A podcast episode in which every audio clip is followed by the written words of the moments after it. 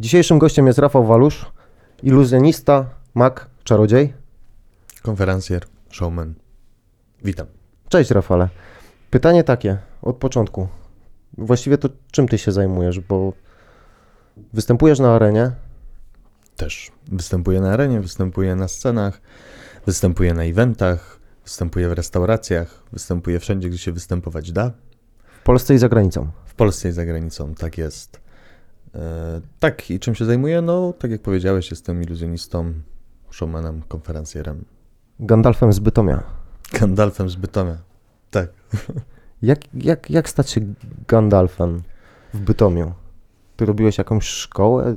Jak to wyglądało? Skąd w ogóle pomysł na to, żeby zostać czarodziejem? Hmm. E, ogólnie to kończyłem szkołę cyrkową. Jestem po Warszawskiej Państwowej Szkole Sztuki Cyrkowej. Jestem absolwentem. Ale nie to mnie zainspirowało do sztuki iluzji. Jakby cyrk, akrobatyka pojawiły się już gdzieś przed szkołą cyrkową. Na Bobrku mieszkając, szukałem ciekawych zajęć, interesujących. Poza tym, czym się zajmują większość na Bobrku. Jak tu przybliżyć, jeżeli ktoś nie wie, o czym mówimy, to warto się cofnąć parę lat wstecz. Na przykład Bobrek Dance można zobaczyć taki dokument o Bobrku. Tak, jest. I w Bobrek Całkiem Dance fajne. też tańczyłem, też wtedy breka tańczyłem. Też to był okres, kiedy się jarałem brekiem, akurat jak Żartujesz. break dance nagrywali, to gdzieś tam też w tym takim centrum szansa akurat się zapodziałem, bo między innymi też tego breka nie, nie jakoś tańczyłem, rozwijałem, ale gdzieś tam się tym e, z, pasji gdzieś szukałem, szukałem swojej ścieżki, swojej drogi. No i właśnie tak miałem w dzieciństwie, że przez cały czas zajmowałem się wieloma rzeczami, czyli a to jakieś fire show, kręcenie ogniem, a to jakaś żonglerka, a to beatbox, a to właśnie breakdance, a to parkour. E, no i takie złapałem takie różne zajawki, potem przychodziłem na tak zwany placyk, czyli plac zabaw, zrzeszałem kumpli i mówiłem, o słuchajcie, a teraz robimy grupę parkoura i będziemy wszyscy skakać po, po murach i po dachach. No i tak, tak w ten sposób y, sobie za- zajmowałem ten czas w dzieciństwie, jakoś tak miałem wielkie potrzeby szukania czegoś, e, mm, czegoś ciekawego, jakieś, jakieś zajawki.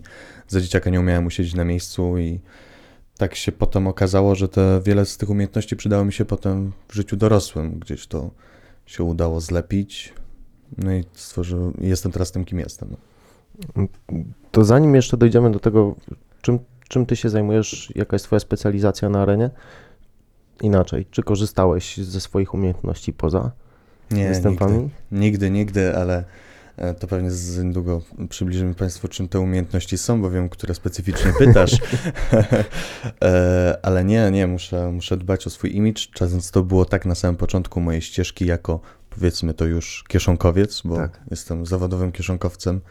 Jednym e, z nielicznych w całej Europie, można powiedzieć, którzy profesjonalnie zajmują się tym fachem na scenie. I oddają portfele. I oddają portfele, zegarki, krawaty, okulary, paski i wszystko, co się uda ściągnąć na, na scenie, arenie. Ja jeszcze mam wszystko. Tak jak powiedziałem, na scenie i arenie. Dokładnie tak. I tutaj właśnie też nawiązuję do tego pytania, które zadałeś, e, czy, czy wykonuję to poza, poza, poza show. Nie, nie wykonuję tego poza show, ale przyznam się szczerze, że na początku, kiedy, kiedy zaczynałem się tym zajmować, kiedy zaczynałem dużo ćwiczyć, gdzie ćwiczyłem na kolegach, na znajomych, tak jak byśmy teraz siedzieli i rozmawiali, to bym trzymał cię za rękę i bym ściągał ci zegarek przez cały czas po prostu. Ściągał, zakładał, ściągał, zakładał, ściągał, zakładał, żeby sobie, żeby sobie to wyrobić, żeby się tego nauczyć.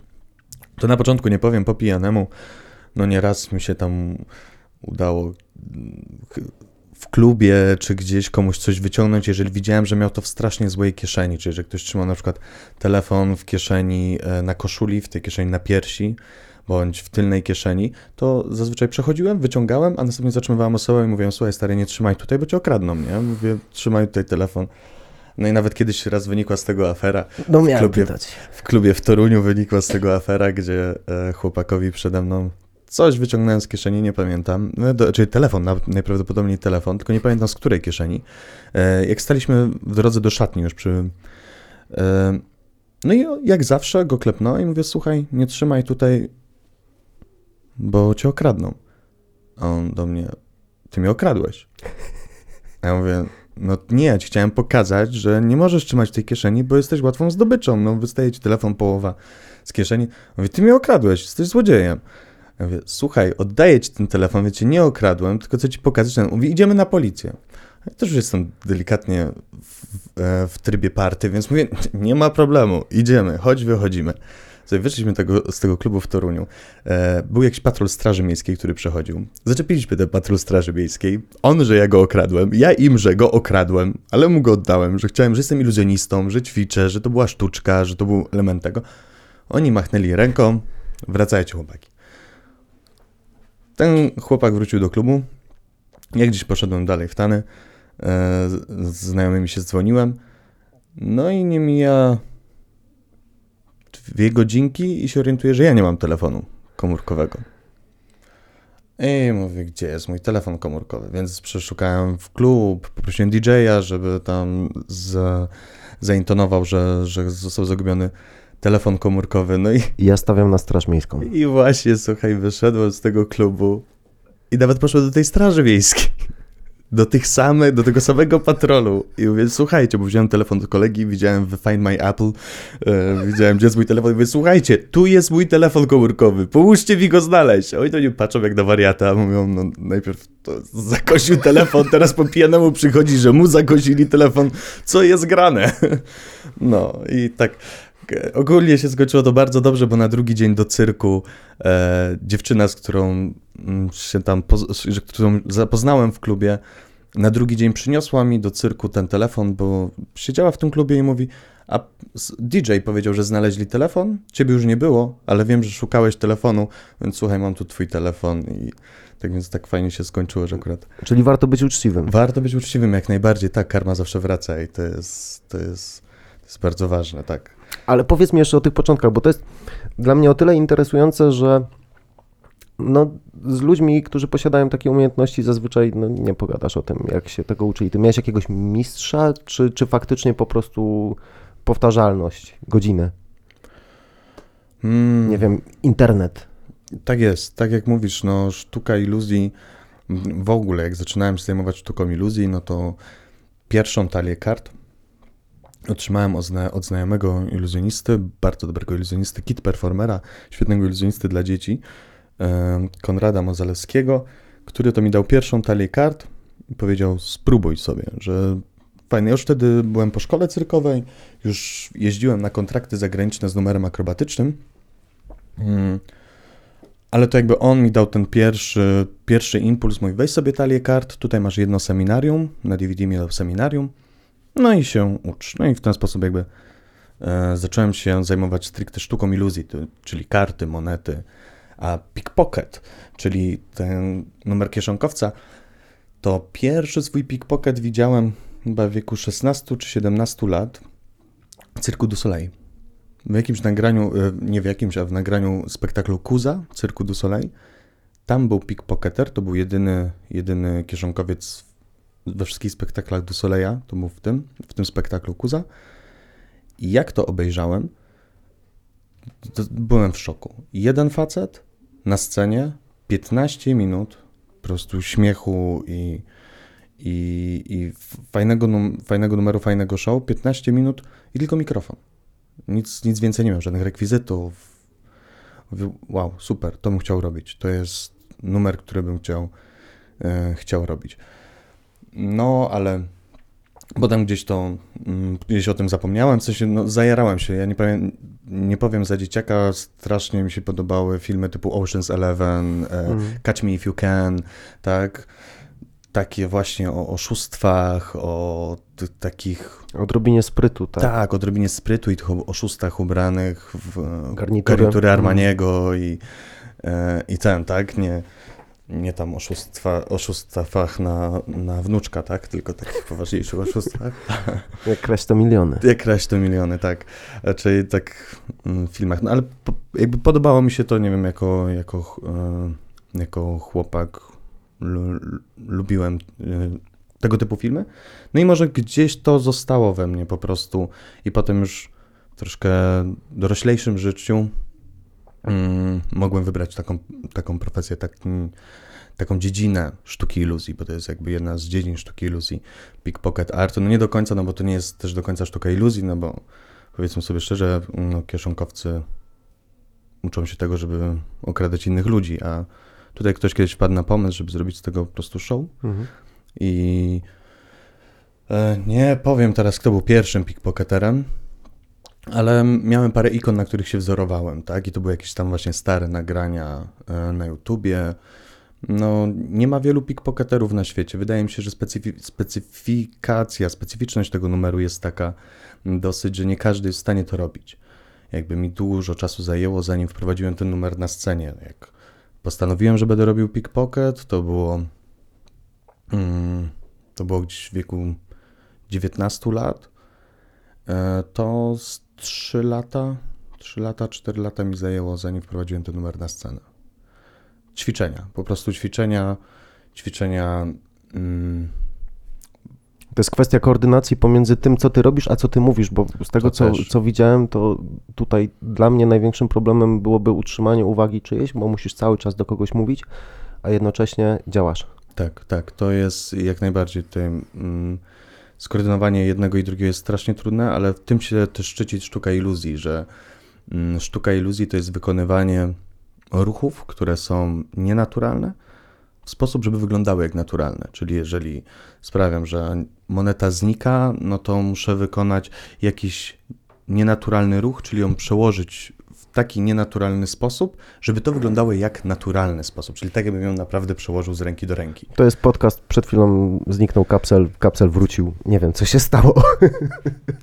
Tak, i, i tego że uczy sztuka iluzji, no a do tego dochodzi nam jeszcze właśnie to, że przez cały czas musimy zagadywać tą drugą osobę, tak? Przez cały czas musimy, oprócz tego, że musimy opowiadać historię, bądź opowiadać, co robimy, wykonujemy coś rękami, co ma wyglądać na naturalne, a tak naprawdę naturalne nie jest, bo jest to ruch Symulowanie działań. Symulowanie dokładnie Mhm. tak.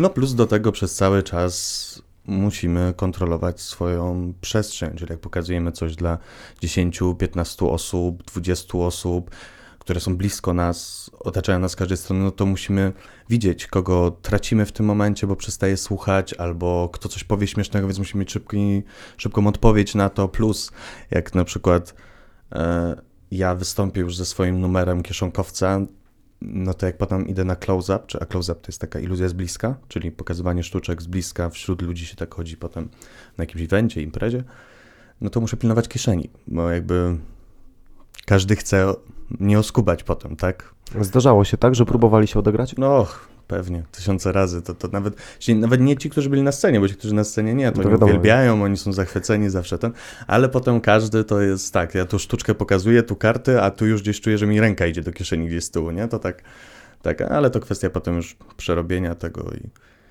i A jak twoje najbliższe otoczenie zareagowało? No nie wiem, przyszedłeś do domu kiedyś i powiedziałeś, mamo, tato, będę magikiem. Powiem, chyba nie wiem, nie, nie, nie wspominam tego jakoś bardzo. Ja wyjechałem z Bytomia mm, przed osiemnastką. Chciałem wtedy studiować w szkole filmowej w Łodzi. To było ogólnie moje marzenie, zostać aktorem. Więc wyjechałem do tej szkoły filmowej w Łodzi.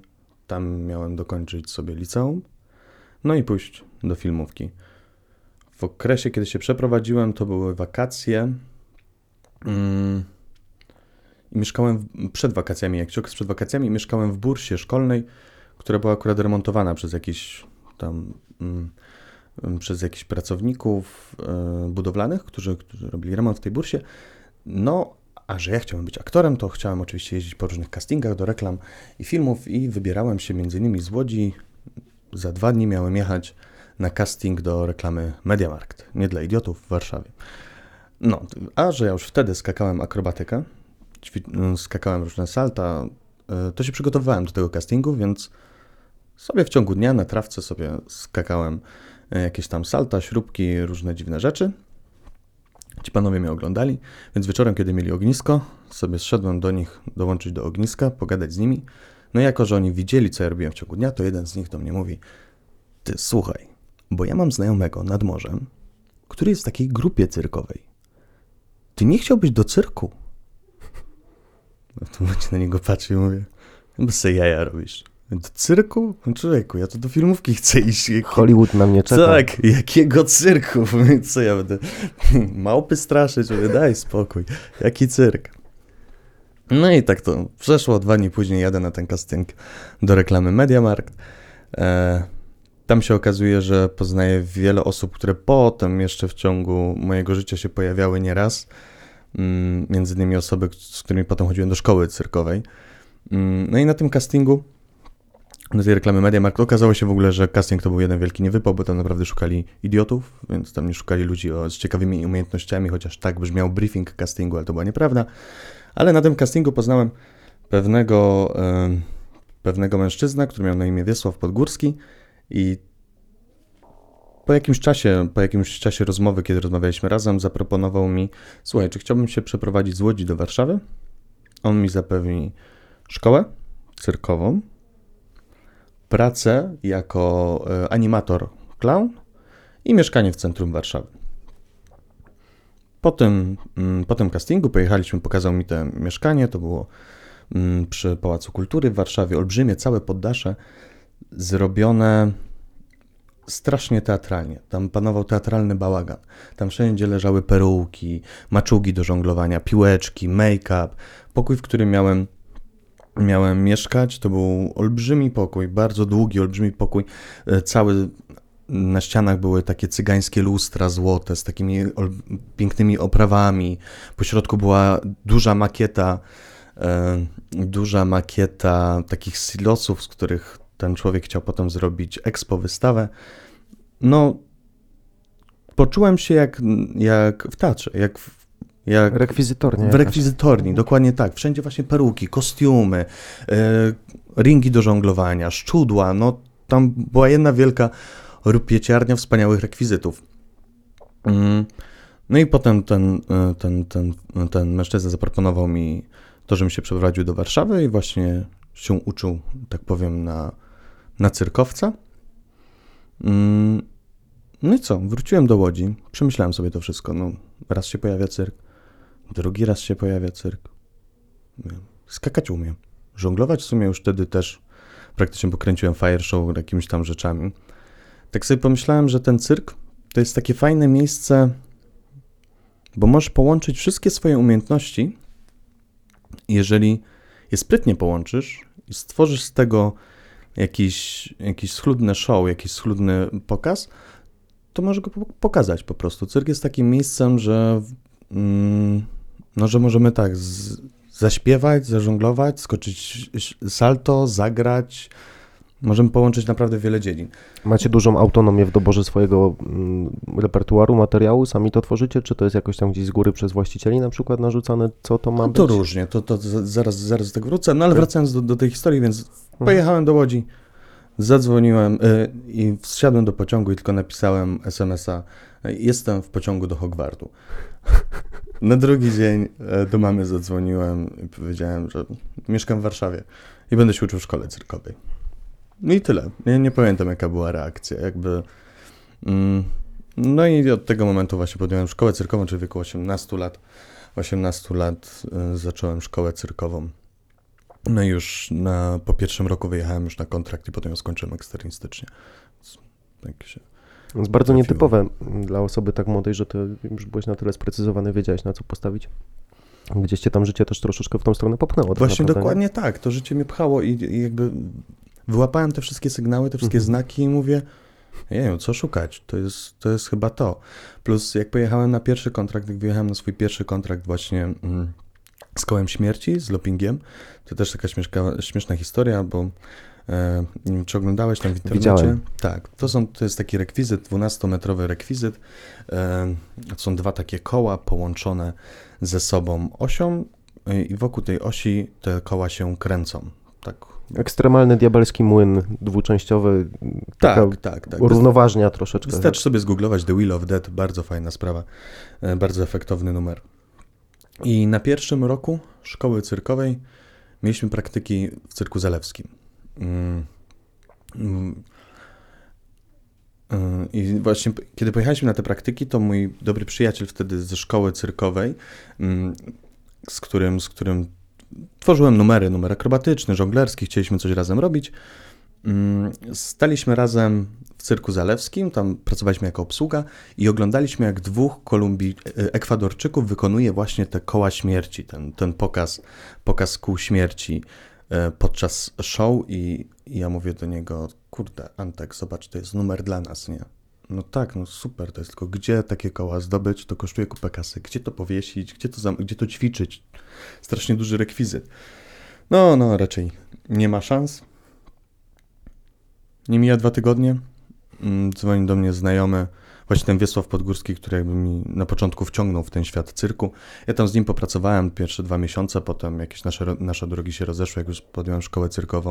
On mi tylko dał ten taki cyrkowy start, że tak powiem. No nie mija dwa tygodnie po tym, jak z Antkiem rozmawialiśmy, że fajnie było robić taki numer.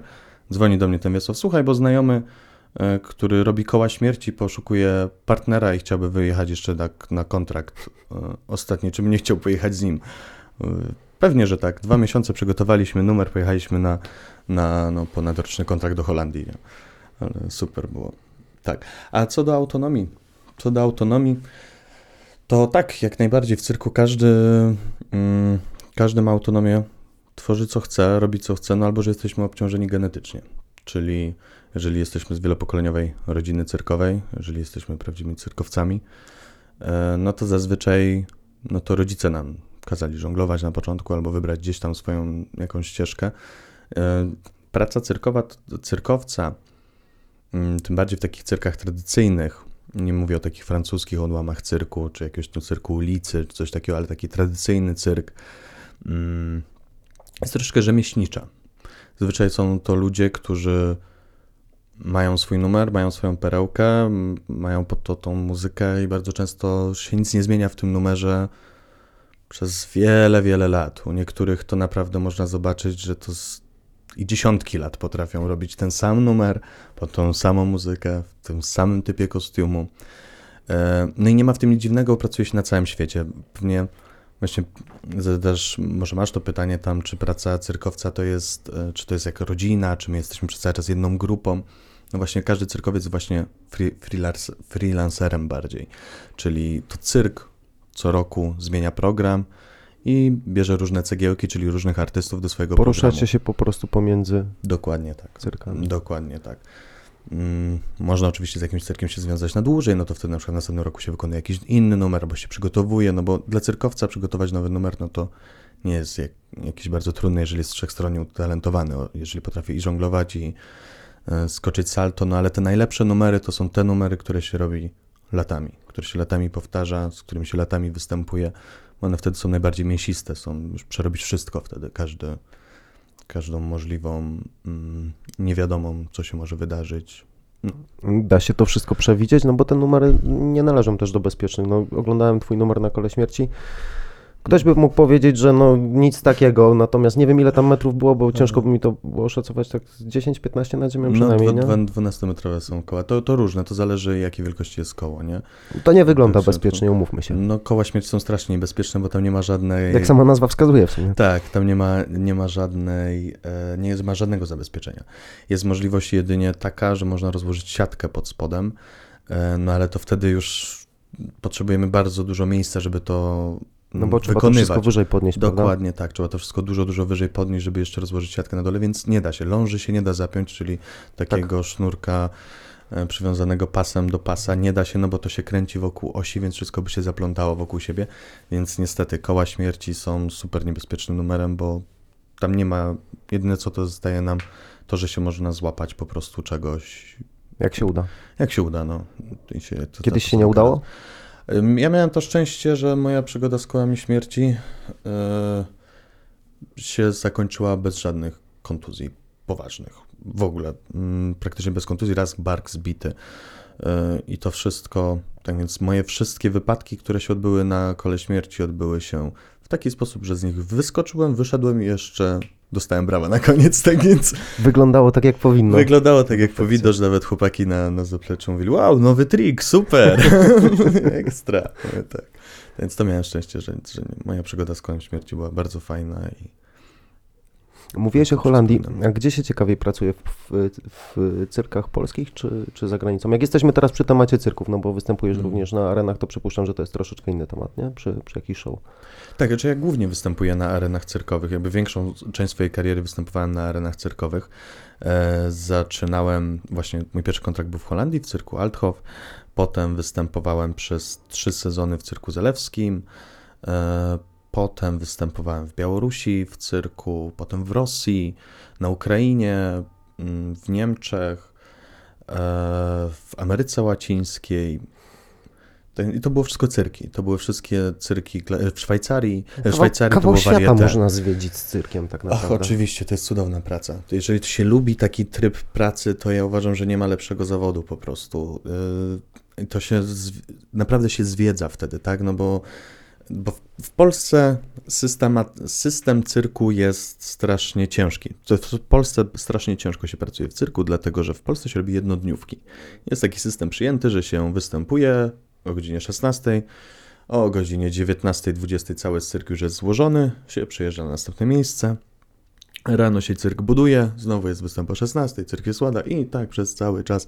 Cyrki gonią strasznie w Polsce. E, niestety to jest strasznie przykre, ale kiedyś się taki system wyrobił, nie wiadomo, nie wiadomo kiedy. E, więc no ciężka jest praca. Ciężka jest tym bardziej, jak się ma jakiś numer typu numer akrobatyczny, albo właśnie takie koła śmierci, albo kule śmierci, które trzeba jeszcze budować, rozkładać. To jest, to jest już nie mówię o osobach, które pracują jako osoby techniczne i o... To są znowu kwestie bezpieczeństwa po raz kolejny, no bo ktoś musi też sprawdzić, czy to dobrze działa, jak to jest codziennie montowane, demontowane. Okej, dobrze. No, Jest ryzyko, jest zabawa, tak? Jest ryzyko, jest zabawa, czy jakby, no, no, no oczywiście teraz mamy takie czasy, że się patrzy na życie i wszystko musi być bezpiecznie, wszystko, wszystko musi... Artysta jest odpowiedzialny za swój rekwizyt, to jest w jego Tyle. obowiązku, żeby rekwizyt działał. Więc nikt nie będzie przy nim, po nim przychodził, sprawdzał, czy to działa, czy nie działa. Cyrk ma stać stabilnie. Czyli jesteś jak skoczek spadochronowy, Dokładnie, ty jesteś odpowiedzialny za swój sprzęt. za swój sprzęt. Tak jest. No, tak więc e, wracając do pytania, bo trochę odbiegłem. mm, Śmiało.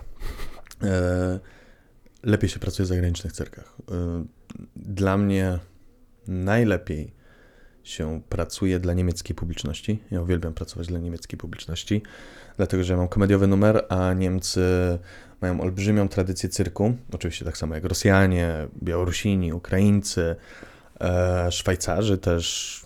Mm, ale Niemcy mają dużą kulturę cyrku i Niemcy uwielbiają się śmiać, co się nauczyłem dopiero w cyrku, bo zawsze mi się wydawało Niemiec to taki ponurak i nie, nieprawda, tam jest cała masa warietę, cała masa kabaretów, e, cała masa właśnie cyrków Mm, i oni uwielbiają nawet taki bardzo prosty humor, typu, nie wiem, e, clown pokazał majtki czy coś takiego, tak? I lubią się bawić, potrafią się bawić. Po prostu jak Niemiec ogląda iluzję, to, to on to bierze jako rozrywkę. Jak Polak ogląda iluzję, on to bierze jako wyzwanie. Właśnie o to miałem pytać. Tak jest. Polak patrzy i no chce... pomylił. Ta, ta, ta, a on nie, on chce mi jajo zrobić. Co, co mi chcesz oszukać? Jajo chcesz mi zrobić, nie? No, i nie, nie, potrafi, nie potrafi się rozluźnić tak jak powinien i przyjąć po prostu to jako rozrywkę. Zapomniał, że zapłacił za bilety na, na występ. nie? Dokładnie. Na występie jeszcze jest ok, ale przy, tak, przy evencie, jak już się po, robi magię z bliska, jak się jest blisko, nawet to widać po programach telewizyjnych, jak iluzjonista pójdzie do polskiego programu telewizyjnego typu e, kawa czy herbata, dzień dobry TVN, czy coś takiego i robi sztuczkę, e, to ci reporterzy bardzo często mu przeszkadzają. Dosłownie, nie wiem, komentując w nieodpowiednich momentach, albo a ty jak to zrobiłeś? A ja wiem, bo ty to pewnie, a ja to widziałem. Najlepszy jest tekst, mój ulubiony tekst, to jest jak wyciągam talię kart i ktoś mówi, a ja już to widziałem. Uwielbiam, to jest po prostu mój ulubiony tekst. Wyciągasz, to, "O, ja już to znam, ja już to widziałem. No, i oni przerywają, gdzie jak się ogląda, już nie powiem, nie wiem, tam japońską, chińską telewizję albo Ale to jest inna kultura. ale nawet, Mówię ale dobra, okej, to tak, to jest zupełnie inna kultura, ale no weźmy nawet amerykańskie wywiady, gdzie idzie iluzjonista, no to oni wszyscy enjoy, oni wszyscy uczestniczą w tym, razem są odpowiedzialni za tą, no za tą rozrywkę, tak, i za tą, i czerpią z tego przyjemność, plus wtedy też widzowie czerpią z tego przyjemność. No, a u nas coś jest takiego, my Polacy coś takiego mamy, że traktujemy wiele rzeczy jako wyzwanie. To jest nasza mentalność. Mhm. Nawet to widać, jak pojedziesz gdzieś na jakąś wycieczkę zorganizowaną za granicę. Są jakieś animacje prowadzone. Może to być mniej poważne, bardziej poważne, obojętne. Dla niektórych głupie, dla innych nie.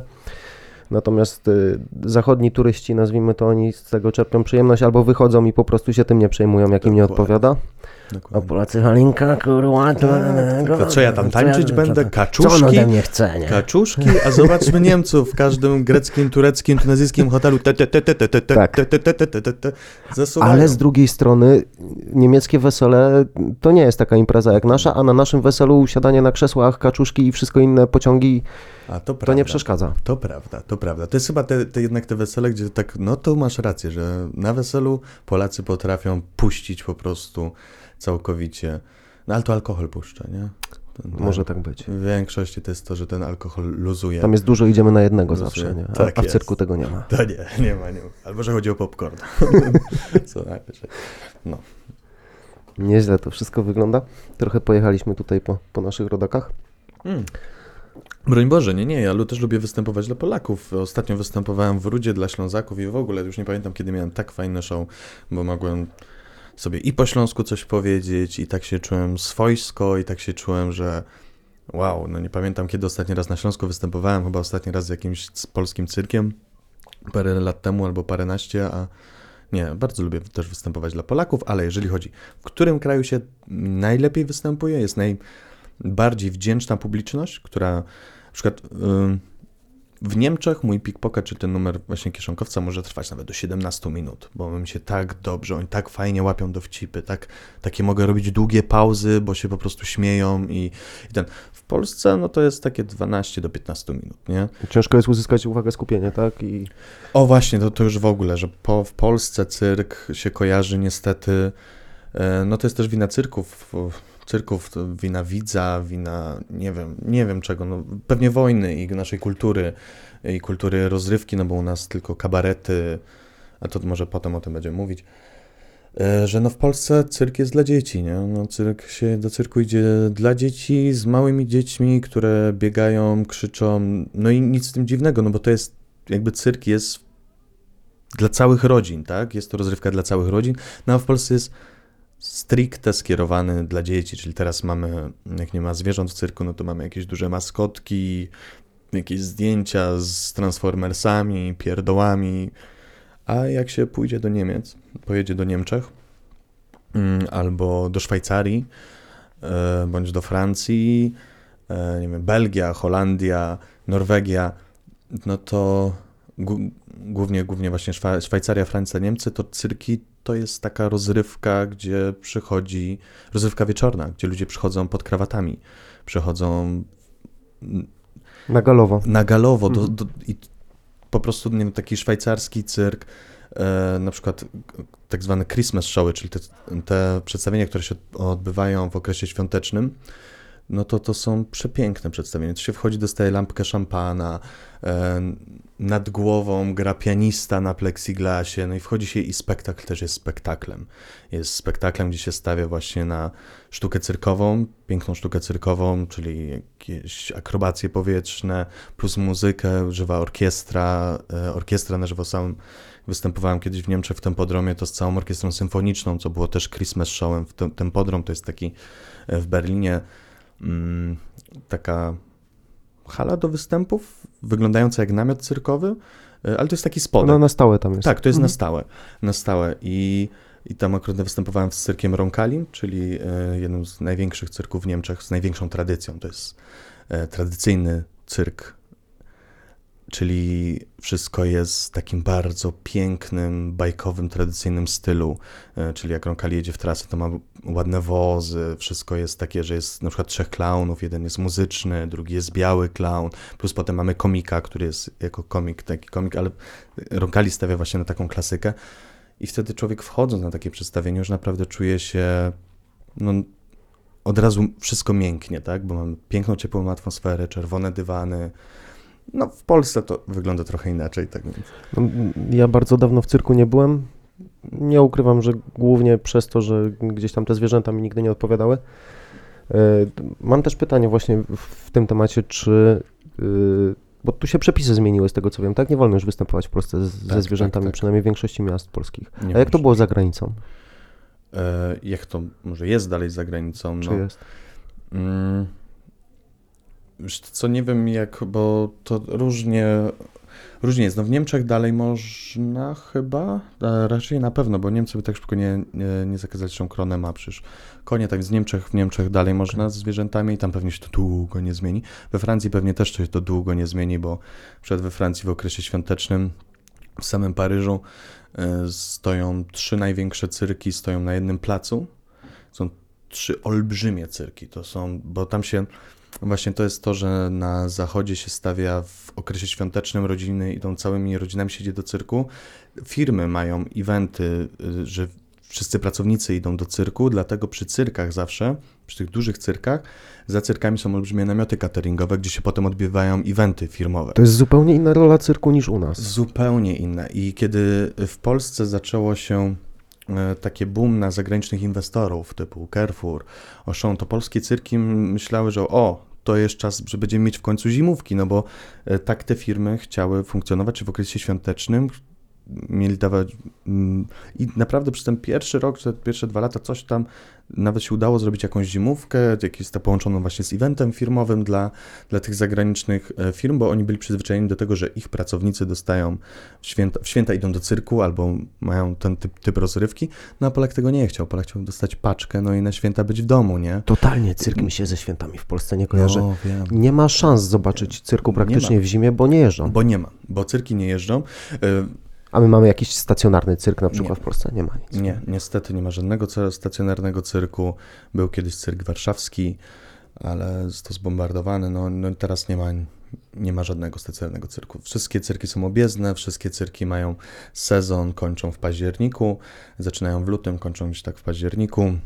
I na zimę nikt nic nie robi, no bo Polak, no tak jak powiedziałeś, no w Polsce się nie kojarzy świąt z tym, żeby się szło do cyrku, no. W ogóle. A, w, a we Francji? We Francji się idzie do cyrku w święta. Na końcu wszystkie dzieci wstają, wychodzi Papa Noel, a one wszystkie z tymi e, świecidełkami wstają i śpiewają kolendy, świąteczne piosenki. I tak się, i to jest naprawdę zakorzenione w tradycji tych krajów. Czyli jest to włożone jakby w atmosferę tego jarmarku, powiedzmy tak świątecznego Możliwe. gdzieś Tak, tak, tak, tak, tak, tak, tak. w ten sposób. Tak. No i właśnie potem mamy takie cyrki typu y, właśnie z Saltu Natale, czy cyrk Corneli, który jest cyrkiem w Zurichu, w centrum Zurichu na wodzie, stoi tylko w okresie zimowym, tylko w okresie zimowym. Jest przepiękna atmosfera tam, jest... Spektakle są zawsze takie, że łapią za serce. No i mamy całe rodziny, ale też masę młodych ludzi, e, którzy idą na randkę, którzy... No. Jest to coś zupełnie innego niż, niż w Polsce. Cyrk tam jest czymś zupełnie innym kojarzonym, a znowu wschód, który też mi się udało y, zobaczyć, mamy praktycznie każde miasto w Rosji, każde miasto no, na Ukrainie nie, ale no, na Ukrainie też, ale nie większość teraz też, ale ma swój cyrk, cyrk stacjonarny, tak? Białoruś też ma swoje cyrki stacjonarne, Gomil, Mińsk. Mm, I tam cyrk jest dobrem kulturowym. Tam cyrki są państwowe, tam cyrki są sponsorowane przez państwo, tam są cyrki na 3,5-4 tysiące osób, na takie widownie. W Iżewsku pracowałem dwa razy, występowałem w Iżewsku, to tam jest cyrk przeolbrzymi. To u nas to jest ile? 300-500 osób takich? Nie, nie, no tysiąc. Tysiąc osób chodzi do Do tysiąca, no z dużego to i wejdzie z 2,5 tysiąca. No, y, do... Zmieści się. Nie no, z, z, akurat Zalewscy mają przepiękną katedrę, to jest przeolbrzymi namiot cyrkowy, bardzo, bardzo, e, bardzo monumentalny, bardzo ładny, e, piękny namiot cyrkowy z olbrzymim foyer, właśnie na, w takim zachodnim stylu, jak są zimówki organizowane na zachodzie, no to do katedry chyba z te 2000, 2,5 to wchodzi lekko. Wow. No, więc tak. To już jest taki obiekt przygotowany do, do tych numerów gdzieś tam pod dachem bardzo wysoko już, prawda? Tak, jak najbardziej. A to jak każdy cyrk. Jak każdy cyrk, a cyrk musi mieć cztery maszty, no albo że jest malutkim, malutkim cyrkiem, no to ma te dwa maszty. To jest standard, tak? Jakiś cyrkowy. E, tak, tak. Manerz ma już teraz, nie, dam się przepytać, bo już nie pamiętam. Nie, to jakby nie jest, nie jest, nie jest Ale- aż tak istotne, nie? Tak, tak, tak. Cyrk musi być przygotowany do tego, że jesteśmy w stanie zamontować u góry trapez, nie trapez, ramki, liny, ląże. Więc tak.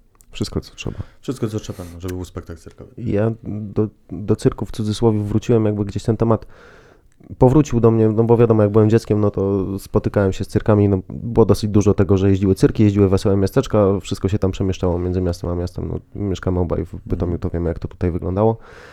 E, Natomiast miałem okazję mieszkać nie cały tydzień niestety tylko, ale z y, uczniami szkoły cyrkowej w Holandii. Hmm. E, I zdziwiło mnie to, no bo dla mnie na tamten czas cyrk kojarzył się głównie właśnie z jakimś tam treserem tygrysów, bądź też lwów, z biczem, z krzesłem, dwoma klaunami i tam może jeszcze dwóch akrobatów i, i cześć, nie? A tutaj się okazuje, że ci ludzie robią całą masę różnych dziwnych rzeczy, od połykania czegoś, właściwie wszystkiego chyba tak naprawdę, poprzez żonglerkę z piłkami, bez piłek, na piłkach, Hmm. pod piłkami, no to było coś fascynującego. Ja nie wiedziałem, jakby nie kojarzyłem tego nigdy z akrobatyką. Rozumiesz, taka raczej cyrk mi się kojarzył, przepraszam, że to powiem, ale tak, kiedyś cyrk mi się kojarzył z taką bardziej prymitywną rozrywką, dosyć taką prostą, a tutaj się okazuje, że to jest cała masa pracy, Hmm. żeby to osiągnąć. Nie byłeś kiedyś, no pewnie nie byłeś, yy, ale słyszałeś o cyrku du Soleil. Nie byłem, słyszałem. No to jak będziesz miał okazję, te- teraz będzie chyba Corteo w Polsce. Miałem okazję kiedyś zobaczyć Corteo w Niemczech, ale teraz będzie w Polsce. To uważam, że jest jeden z piękniejszych spektakli. Du Soleila jest bardzo taki teatralny. E, Wszystko się odbywa podczas niby włoskiego pogrzebu. Bardzo, ba, bardzo fajny spektakl. E, Tak, powiem Ci tak.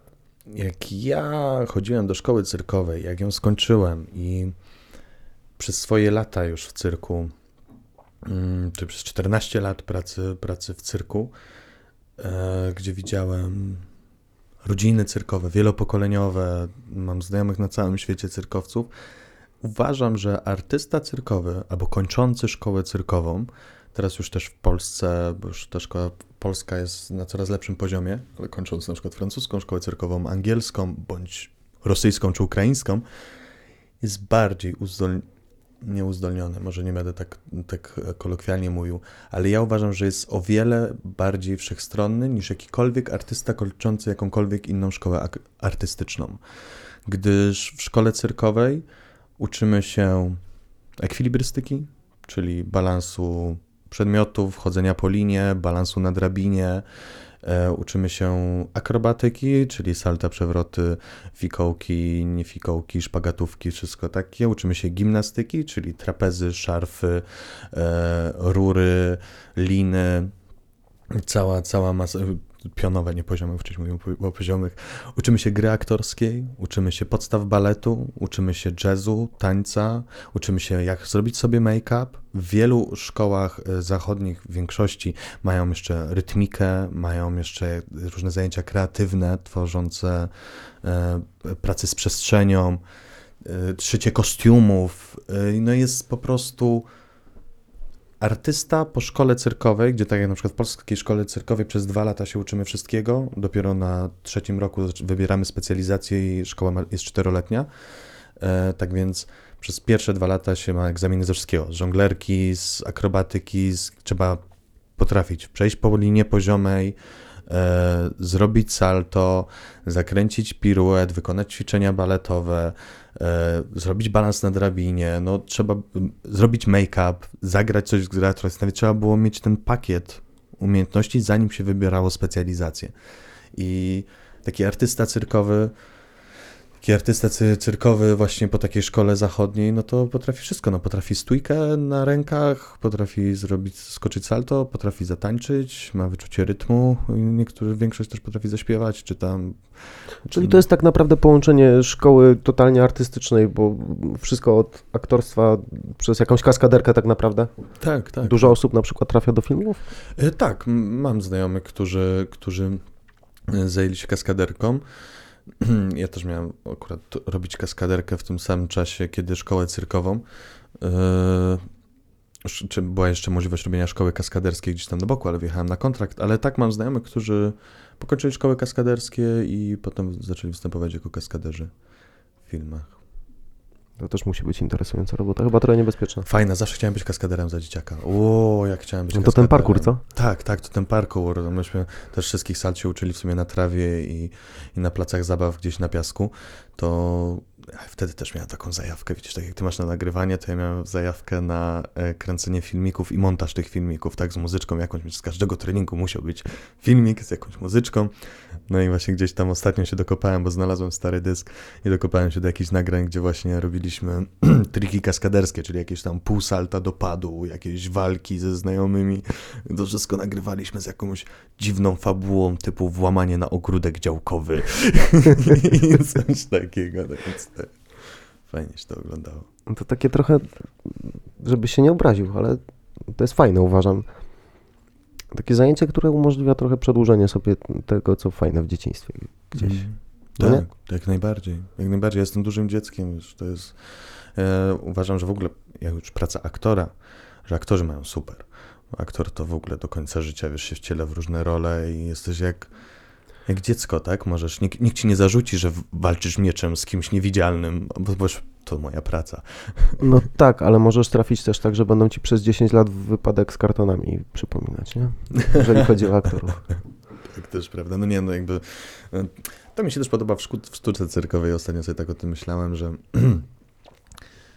Bo występując z moją narzeczoną, rozmawialiśmy o tym, no jak ludzie zawsze po występie. Razem przychodzą. występujecie, tak? Tak, teraz, teraz tak, występ, występujemy razem. Mam cudowną narzeczoną i, i e, zrobiliśmy parę, parę trików razem, a jeszcze po szkole baletowej, więc e, strasznie się dobrze czuję na scenie i mówię, no słuchaj, no jestem iluzjonistą, a każdy iluzjonista potrzebuje asystentkę, chociaż nie powiem, przez wiele lat byłem solistą, ale mówię, chodź spróbujemy razem, porobimy i bardzo fajnie, bo to jest najważniejsze, żeby po prostu... Znaczy, ja się tego nauczyłem w cyrku, no to jest taki zawód, że jesteś przez cały czas w trasie. Właśnie o to miałem pytać, czy ty masz rodzinę, jak, jak życie rodzinne wygląda, bo tak naprawdę między tobą a, a osobą, która wykonuje zawód muzyka, powiedzmy, nie ma za dużej różnicy, bo, bo ty podróżujesz cały tak, czas. Tak, tak, tak, tak, tak. Non topper e, w trasie. Jak, no ja wybieram jeszcze głównie takie długoterminowe kontrakty zazwyczaj, tak? Bo jest możliwość pracy na eventach, czyli w Polsce, ale to też jesteś przez cały czas w sumie w samochodzie, bo czwartek, piątek, sobota wyjeżdżasz i to po całej Polsce jesteś rozjechany. A ja mm, ze względu na to, że strasznie się wkręciłem właśnie w cyrki, w scenę warietę i, i tego typu rzeczy, no to głównie jeżdżę na długoterminowe kontrakty, że takie minimum pół roku. Tak. E, No i tutaj jedyna opcja, jaka wchodzi w grę, no to zabieranie rodziny po prostu ze sobą, tak. E, Często mieszkanie w kampingu na tych 7,5 metrach, gdzie się razem występuje, razem żyje. Musicie się dobrze razem- dogadywać. Tak jest, ja to, ja, ale uważam, że innej opcji po prostu nie ma. Ja sobie nie wyobrażam, że miał jeździć, pracować, a moja partnerka. No już takie próby gdzieś tam podejmowałem, one się nie, nie udały. No. A jakie numery robicie razem? Mm, takie klasyki iluzji, czyli przecinanie kobiety na pół. E, tak, ale z takim twistem na komicznie trochę. Czyli cięcie kobiety na pół plus jakieś tam przebijanie kolcami jej, e, jakąś tam marynareczkę. Jak na razie takie To standardy. widziałem, nakłuwałeś Tak, tak, takimi tak, tak. dzidami, nazwijmy to. Tak, tak, tak. Czyli to była twoja partnerka w Tak, środku. tak, tak jest. To była Natalia. No i tak, jak na razie takie klasyki. klisze. Na razie się udaje. Ach, to zależy jak, czy się pokłócimy wcześniej, czy nie. No. Ale tak, jak na razie się udaje, ona mi w ogóle ufa w pełni, ja jej też ufam, więc fajnie nam się pracuje. Czy to jest faktycznie niebezpieczne, czy to ma tylko tak wyglądać? to Mówimy jest o cięciu. To jest niebezpieczne. Cięcie na pół może nie, ale to przebijanie kolcami jest niebezpieczne. To jest niebezpieczne, to musimy sobie ufać i żaden z nas nie może popełnić błędu tutaj, w tym akurat triku. Cięcie na pół, no. Kiedyś oglądałem gdzieś na Discovery, czy na czymś takim mniej więcej kojarzę o co chodzi tam z tymi nogami. No, są różne, różne sposoby. Są różne sposoby. sposoby. U mnie akurat się tak nie da. Jak kiedyś byś miał okazję zobaczyć, bo Natala jest trzymana przez dwójkę asystentów. Jedni jest związana za nogi, związana za szyję. Oni trzymają te liny, więc jakby nie może się zwinąć. Ale A można dowolną osobę przeciąć na pół, czy musisz być jakoś specjalnie uzdolniony, żeby dać się przeciąć? e, można. Można dowolną osobę przeciąć. Są takie cięcia na pół, że się bierze nawet osoby z publiczności się tnie na pół. Są takie, takie cięcia na pół. A są też takie cięcia na pół, że to musi być asystentka i musi być troszkę wtajemniczona oczywiście, bo się musi potrafić zlepić, prawda? To I, tak. no to już nie pytam, bo tutaj I przeciąć łatwo, nie? Znaczy to wtedy, wiesz, powiedzenie moja lepsza połowa nabiera większego sensu. Możesz sobie wybrać wtedy Tak połowę. jest, tak to mój znajomy ma taki straszny dowcip. Gadająca do szafy dalej pozostaje. Sakra. A co jakby się nie udał? Nie wiem, wolę o tym nie myśleć. Wiesz, jak to jest... Bo, bo wiesz, zawsze się zastanawiam, tam przeciąć, no dobra, zlepisz, nie zlepisz, no a co jak na przykład znikniesz kogoś i on nie wróci, nie? No, Zdarzało się? nie, ale, ale słyszę to przez cały czas. To jest, no. Panie, a pan by mógł tak moją żonę wziąć, a no żeby zniknęła, nie, no, nie wróciła, no już. No, o to pytam, czy ludzie by chcieli za to zapłacić na przez przykład, cały żeby tak... czas to słyszę, przez cały czas. I w, w tej branży nie robisz. Nie, w tej branży nie robię. Czasami mówię, można przeciąć na pół. Jak ma 36, to wyjdą dwie osiemnastki. Ktoś na to poszedł na pewno, nie? To bak. No, tak, takie głupie teksty się słyszę przez cały czas, ale... No. Jak ludzie reagują, jak się dowiadują, czym się zajmujesz? Mm. Bo to też może być wkurzające. Mm.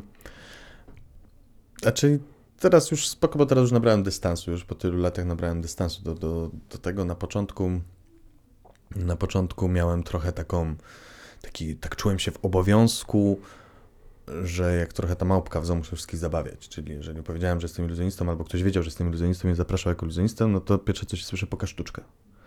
No pokaż sztuczkę. Pokaż. A potrafisz zrobić, żeby to zniknęło? A potrafisz zrobić, żeby ta butelka była pełna? My, No i, nie, nie, nie, nie, i przez cały czas, przez cały czas tylko słuchasz, no a, a co wtedy było dobre, bo też dużo ćwiczyłem, tak? No to bierzesz te karty i pokazujesz, pokazujesz. No teraz robię tak, że jak ktoś mówi, pokaż sztuczkę, to się pytam, a czym się zajmujesz? No księgową jestem, no to słuchaj, bo mam PIT do rozliczenia. Możemy wymienić, no. W zasadzie warto. Ale tak, kiedyś się czułem tym taki obciążony i tak dosłownie się czułem, miałem taki ten, że czułem się jak małpka że jak była na przykład cisza, że jak to czasami siedzieć z znajomymi, no ale nie zawsze tak czasami gdzieś tam konwersacja wygasa i się robi moment ciszy czy coś takiego, to ja czułem się obarczony w tym momencie, Że musisz wypełnić, że tak? muszę wypełnić tą lukę i muszę wypełnić tą ciszę. Ale sam sobie to wkręciłem oczywiście Konfera- wszystko. konferencjer się włączył. No, no, sam sobie to wkręciłem oczywiście wszystko, ale tak czułem przez cały czas to takie, taką presję. No, i czasami to też gdzieś się tam odzywa, ale, ale już do tego dystansu nabrałem. A zaskakują cię kiedyś na przykład ludzie w ten sposób podczas występu, że nie wiesz jak się zachować, nie wiesz co odpowiedzieć? Jakieś absurdalne już na przykład, nie wiem, teksty Hmm. pytania. Czy, czy Nie, nie, ma nie, takiej nie. sytuacji? Nie wiem, to najwyżej oleję i po prostu No nie, i przejdziesz dalej. To i lecę do- dalej, Do to- swojego występu. Tak jest, to jest przerobione lata i przerobione ilość różnych właśnie tych dziwnych niewiadomych i tych dziwnych rzeczy z zaskoczenia i tego, że czasami tobie coś nie wyjdzie i musisz przygrać i lecieć dalej i udać, że to się nie wydarzyło albo jakoś skomentować, to no to, to tak potem lepi i uczy, nie? Lepiej się pracuje podczas występów z dorosłymi czy z dziećmi? Ja uwielbiam pracować dla dorosłych. Ja, ja nie jestem kid performerem. W ogóle? Mm, mm. Ja jak mam przedszkole, jakieś coś takiego, to ja tego po prostu nie biorę. Nie Mhm. robię. Familijne ja robię, ale stricte dla dzieci. Ja nawet nie mam reper, mm, repertuaru. Pytam, bo, bo to jest też interesujące, inaczej odwraca się osobę, uwaga osoby dorosłej przypuszczalnie, a co innego działa na dziecko, nie? Tak jest, jak najbardziej tak. Ja nie powiem, ja lubię pokazywać sztuczki dzieciom, tylko mój repertuar nie jest stricte przystosowany do dzieci. On jest już cięższy, u mnie jest dużo kart, e, dużo tłumaczenia, bardziej jest taki, mm, że musisz, już nie mówię o kieszonkowcu, bo to, e, to w ogóle tutaj nie ma szans dla dzieci, no lizaki się ciężko Dzieci nie noszą portfeli, nie? Dokładnie tak, dokładnie tak, ale nawet jak robię takie, takie familijne show, no to mam dużo właśnie rzeczy z kartami typu, e, nie wiem, pomyśl o jakiejś karcie, wybierz jakąś kartę, musisz pamiętać o tej karcie, musisz, no, musisz ogarniać, co się dzieje, tak? Dla dzieci się robi prostsze iluzje, plus angażuje się dzieci przez cały czas. One mają przez cały czas krzyczeć, dawać reakcje, mają czuć się zaangażowane, bo inaczej się nudzą.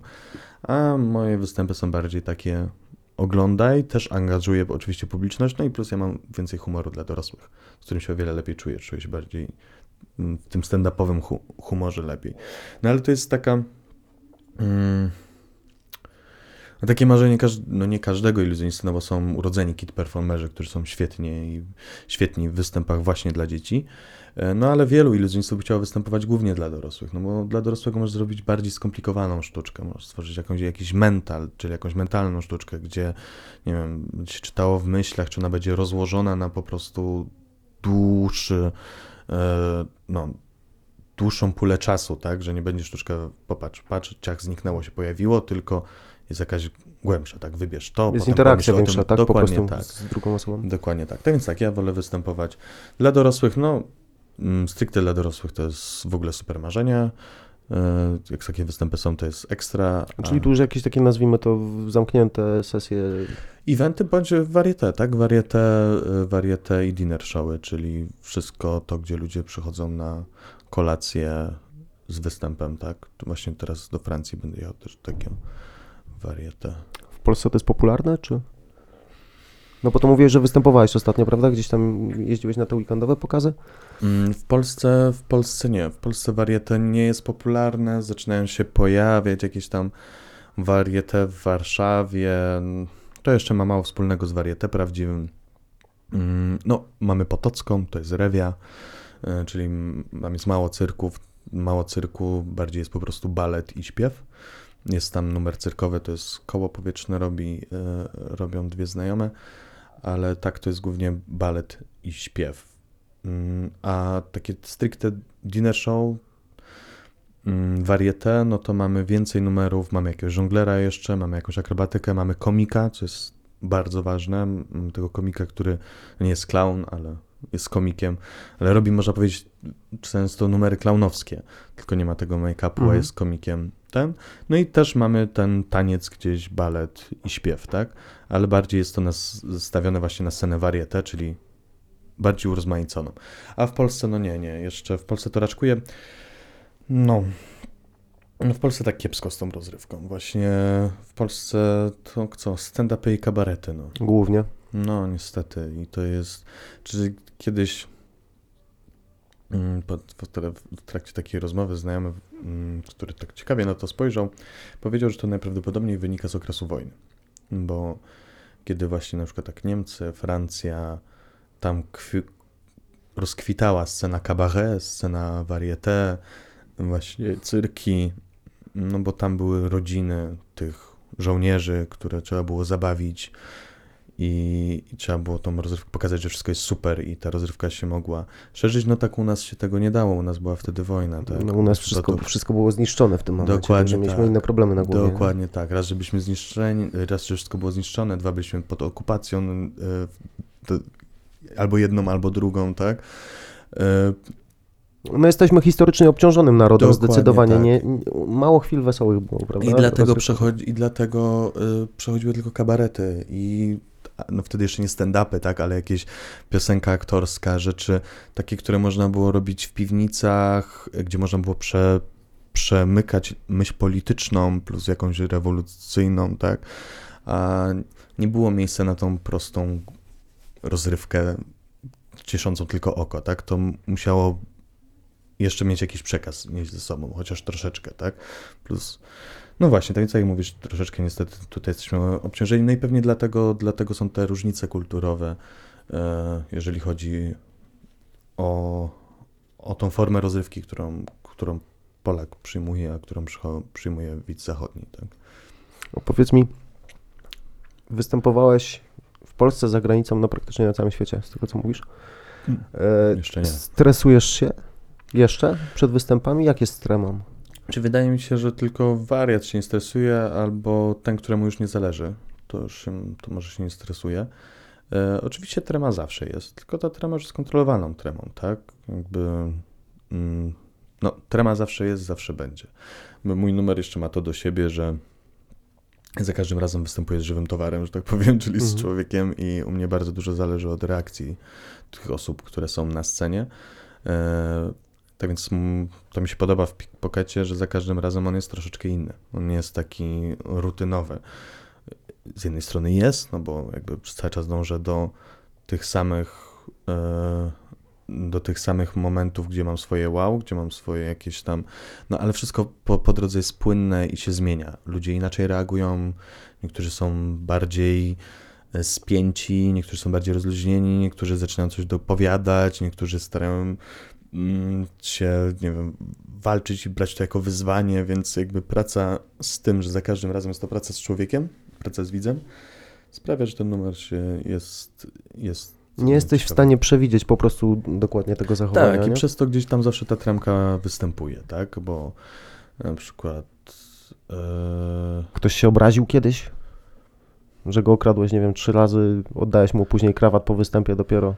Hmm, czy się obraził? Przypuszczam, że za granicą to nie za bardzo, ale u, u, u O, nas w Polsce. No, w Rosji się na przykład bardzo ciężko występowało z pickpocketem. O. Rosja, Rosjanie puf, strasznie zamknięci, tak? E, Białorusini też. Jakby no cały wschód, tak? No, To jest chyba specyfika gdzieś tutaj od granicy we wschodnią stronę, Oczywiście, tych narodów tak. słowiańskich. Tak, Tak tak, tak, tak, tak. E, Więc się dosyć ciężko występowało, no ale też się to przerobiło i też znalazłem. E, To, to jest fajne w tym, że mam okazję pracować z tym numerem, plus dużo do tego podróżować i pracować w różnych językach.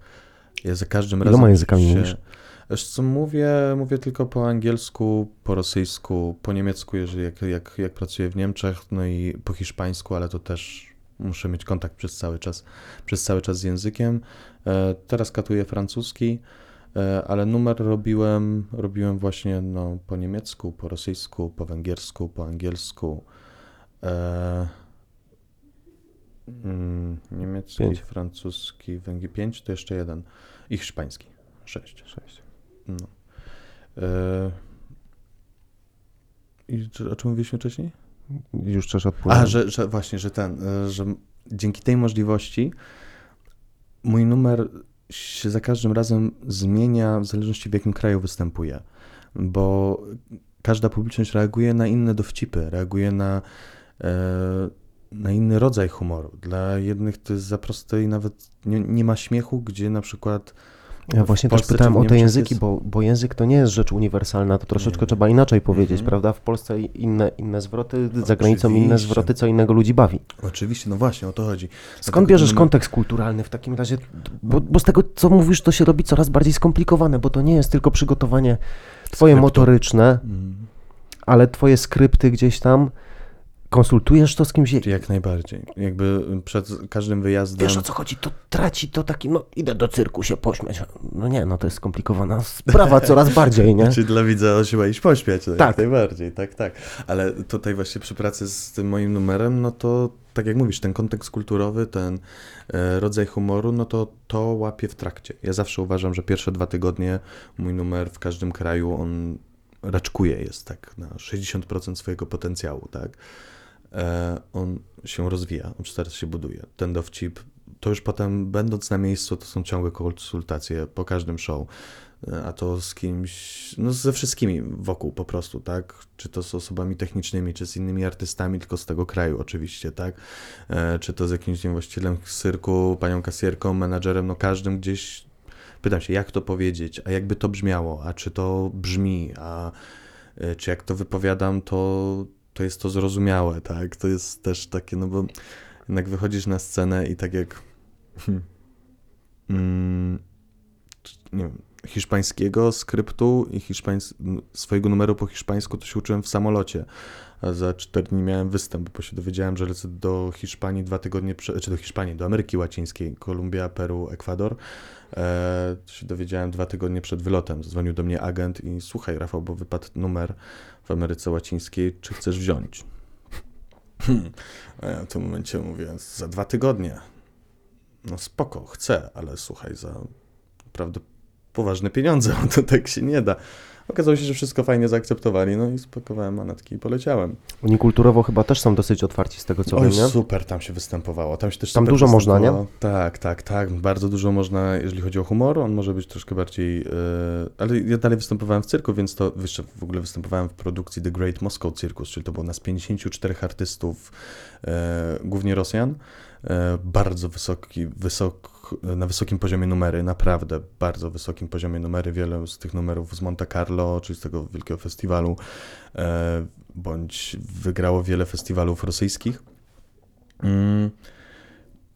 I tak, tak, tam można było sobie więcej pozwolić, jeżeli chodzi o humor. I też tam się super pracowało, dlatego że e, Latynosi są strasznie niscy. Więc e, nie wiem, czy widziałeś pewnie podczas mojego numeru gdzieś tam w internecie, ja ściągam okulary ludziom z twarzy w taki sposób, że oni się nie orientują, że te okulary zniknęły. Więc u nich to było bajka, bo oni byli niziutcy. Na przykład u Niemców się strasznie ciężko ściąga okulary, a u Szwajcarów to już w ogóle, tak? I pewnie gdzieś tam e, na północy jeszcze gorzej, tak? No bo są bardzo wysocy ludzie. Czyli trzeba po prostu wyżej sięgnąć, jest Dokładnie dłuższy ruch, tak? Jest I dłuższy ruch, jest widoczny ten ruch, jest, wiesz, jego wzrok jest inaczej skupiony. A jak ja stałem nad nimi, Ale ty jesteś wysoki, ogólnie to- też jest twoja No, przewaga w tym tylko momencie, 1,80 nie? m, więc wcale nie jestem wysoki. Jest taki właśnie e, Kenny Quinn, on jest chyba z, Skandynawem jest i on jest strasznie wysoki, jest kieszonkowcem, też pickpocketerem. To on wszystkich ma z góry i ja tą potęgę poczułem w Ameryce Łacińskiej. Jeżeli jak każdy był niższy ode mnie, gdzieś był do mojej brody, już na mnie musiał patrzeć do góry, to te okulary, ja miałem, tam miałem, skuteczność ściągania okularów miałem na poziomie 98%, tak po prostu, chyba raz mi nie weszły przez cały kontrakt, jak tam byłem, no, siadały, super siadały okulary tam, to, to, się tam fajnie A robiło. powiedz mi, a czy, jesteś czy ty jesteś atrakcją też z racji swojego jakby pochodzenia gdzieś tam, jak występujesz daleko? Jakie, No, jakie za każdym reakcje? razem, nie? Z, jakby to, że mówię w innym języku i robię ten numer w innym języku, zawsze ludzie do mnie przychodzą i zaczynają do mnie mówić potem, normalnie, bo każdy myśli, że ja... Że mówisz. No, że ja mówię, no przecież ja robię 15 minut na scenie, gadając non-topper, tak? E, a no niestety na przykład tak jak po węgiersku, czy w większości językach to był tylko skrypt.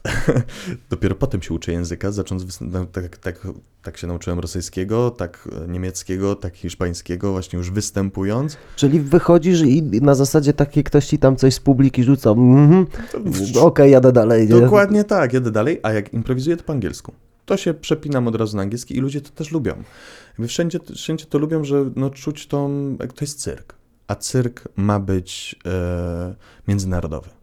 Dlatego widząc mnie mówiącego po na przykład niemiecku, ale zaciągającego gdzieś po angielsku, bądź po hiszpańsku, bądź wkradając różne dziwne słówka i, i takie, to się robi wtedy bardziej egzotyczne i robi się takie, to więc wydaje mi się, że zresztą bardzo często to słyszałem, że to jest ta, to jest ta siła tego numeru, tak? To jest też to, co, co daje dodatkowego takiego bonusu w tym numerze, tak? Że tam jak występowałem w Rosji, no jeszcze za tych czasów, kiedy, no oczywiście nie teraz, e, no to gdzieś tam jak tam polskim zaciągnąłem czy coś, no to, to się ludzie śmiali, tak? Jak występuję w Niemczech, to zaczynam swój występ od tego, e, muszę sobie przetłumaczyć,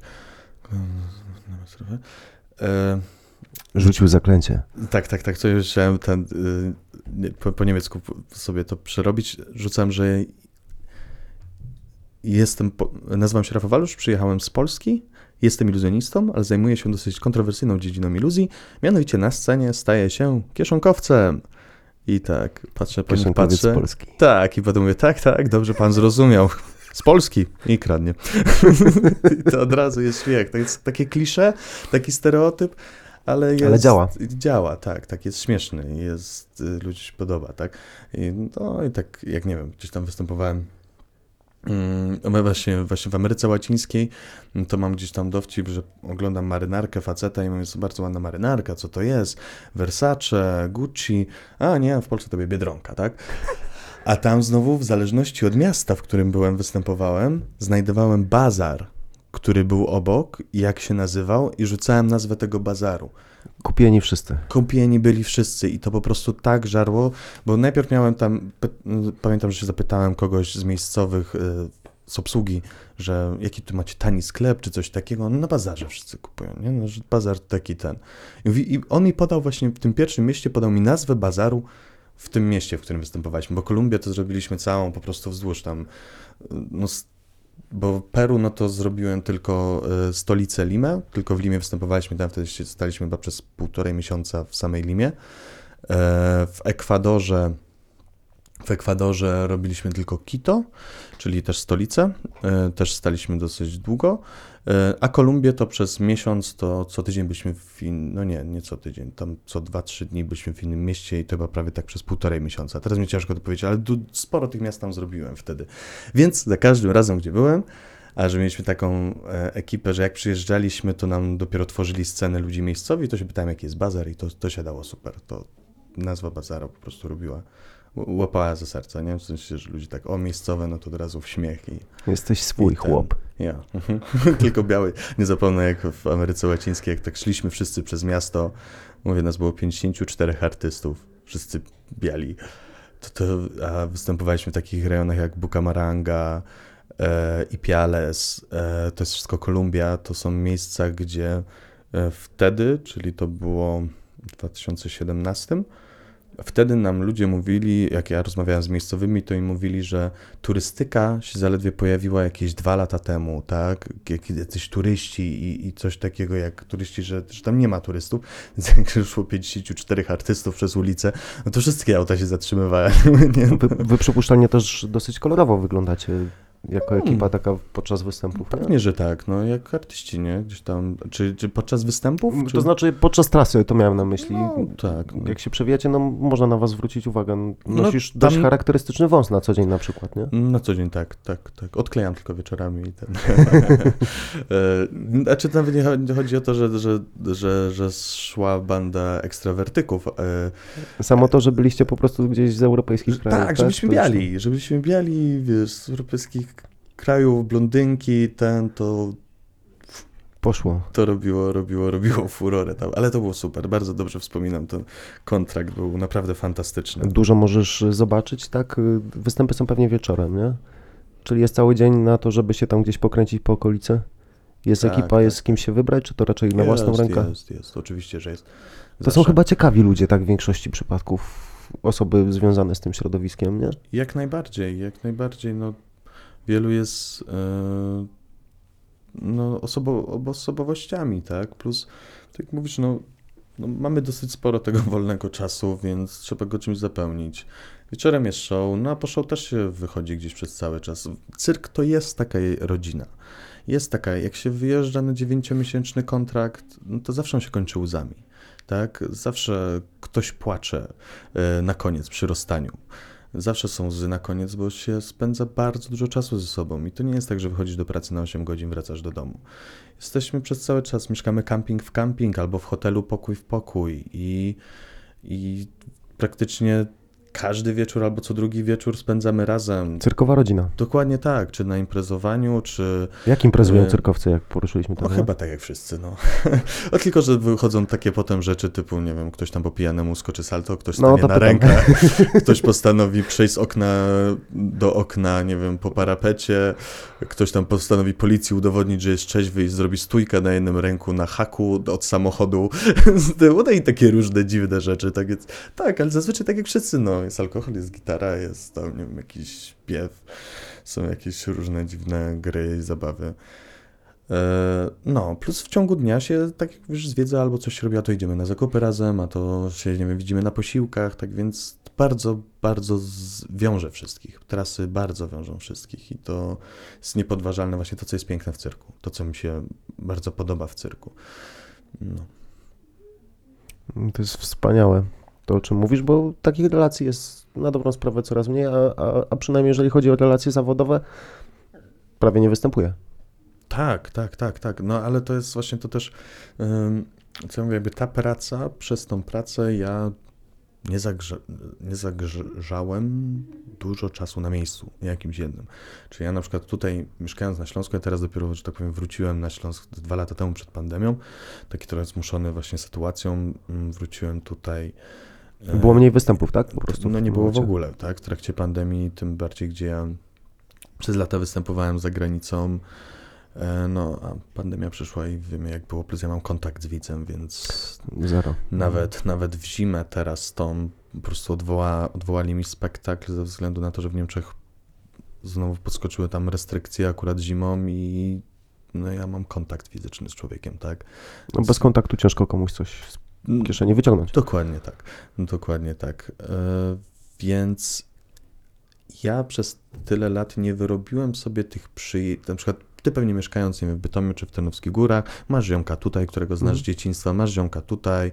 No, drogi się rozchodzą oczywiście, ale gdzieś się buduje tę relację, że nie wiem, spotykamy się tam co miesiąc. Wiadomo, tam że ten- coraz mniej z wiekiem, bo to tak wygląda, ale tak było. owszem. tak to wygląda, ale są ci znajomi gdzieś tutaj Tak. blisko, można się spotkać jedną wielką paczką. No a u mnie jest to troszkę też tak inaczej, nie? Ja mam znajomych w Rosji, mam znajomych na Ukrainie, mam znajomych w Meksyku, e, mam znajomych w Niemczech i to są ludzie, których ja spotykam przez cały czas, ale gdzieś na kontraktach, tak? Czyli na przykład, nie wiem, mm, występuję w Polsce u Zalewskich ze znajomym, Meksyka, Meksykańczykiem, Meksykańcem, Meksykańczykiem.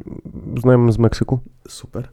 E, I potem lecę do Ukrainy, mm, do Kijowa i mi na lotnisku mówi... Meksykaninem, przypomniałem. Meksykaninem. No i na lotnisku mi mówi Menago, że no ale będę miał fajne mieszkanko, tylko że na współ z drugim artystą. To są dwa pokoje, ale na, na współ z drugim artystą.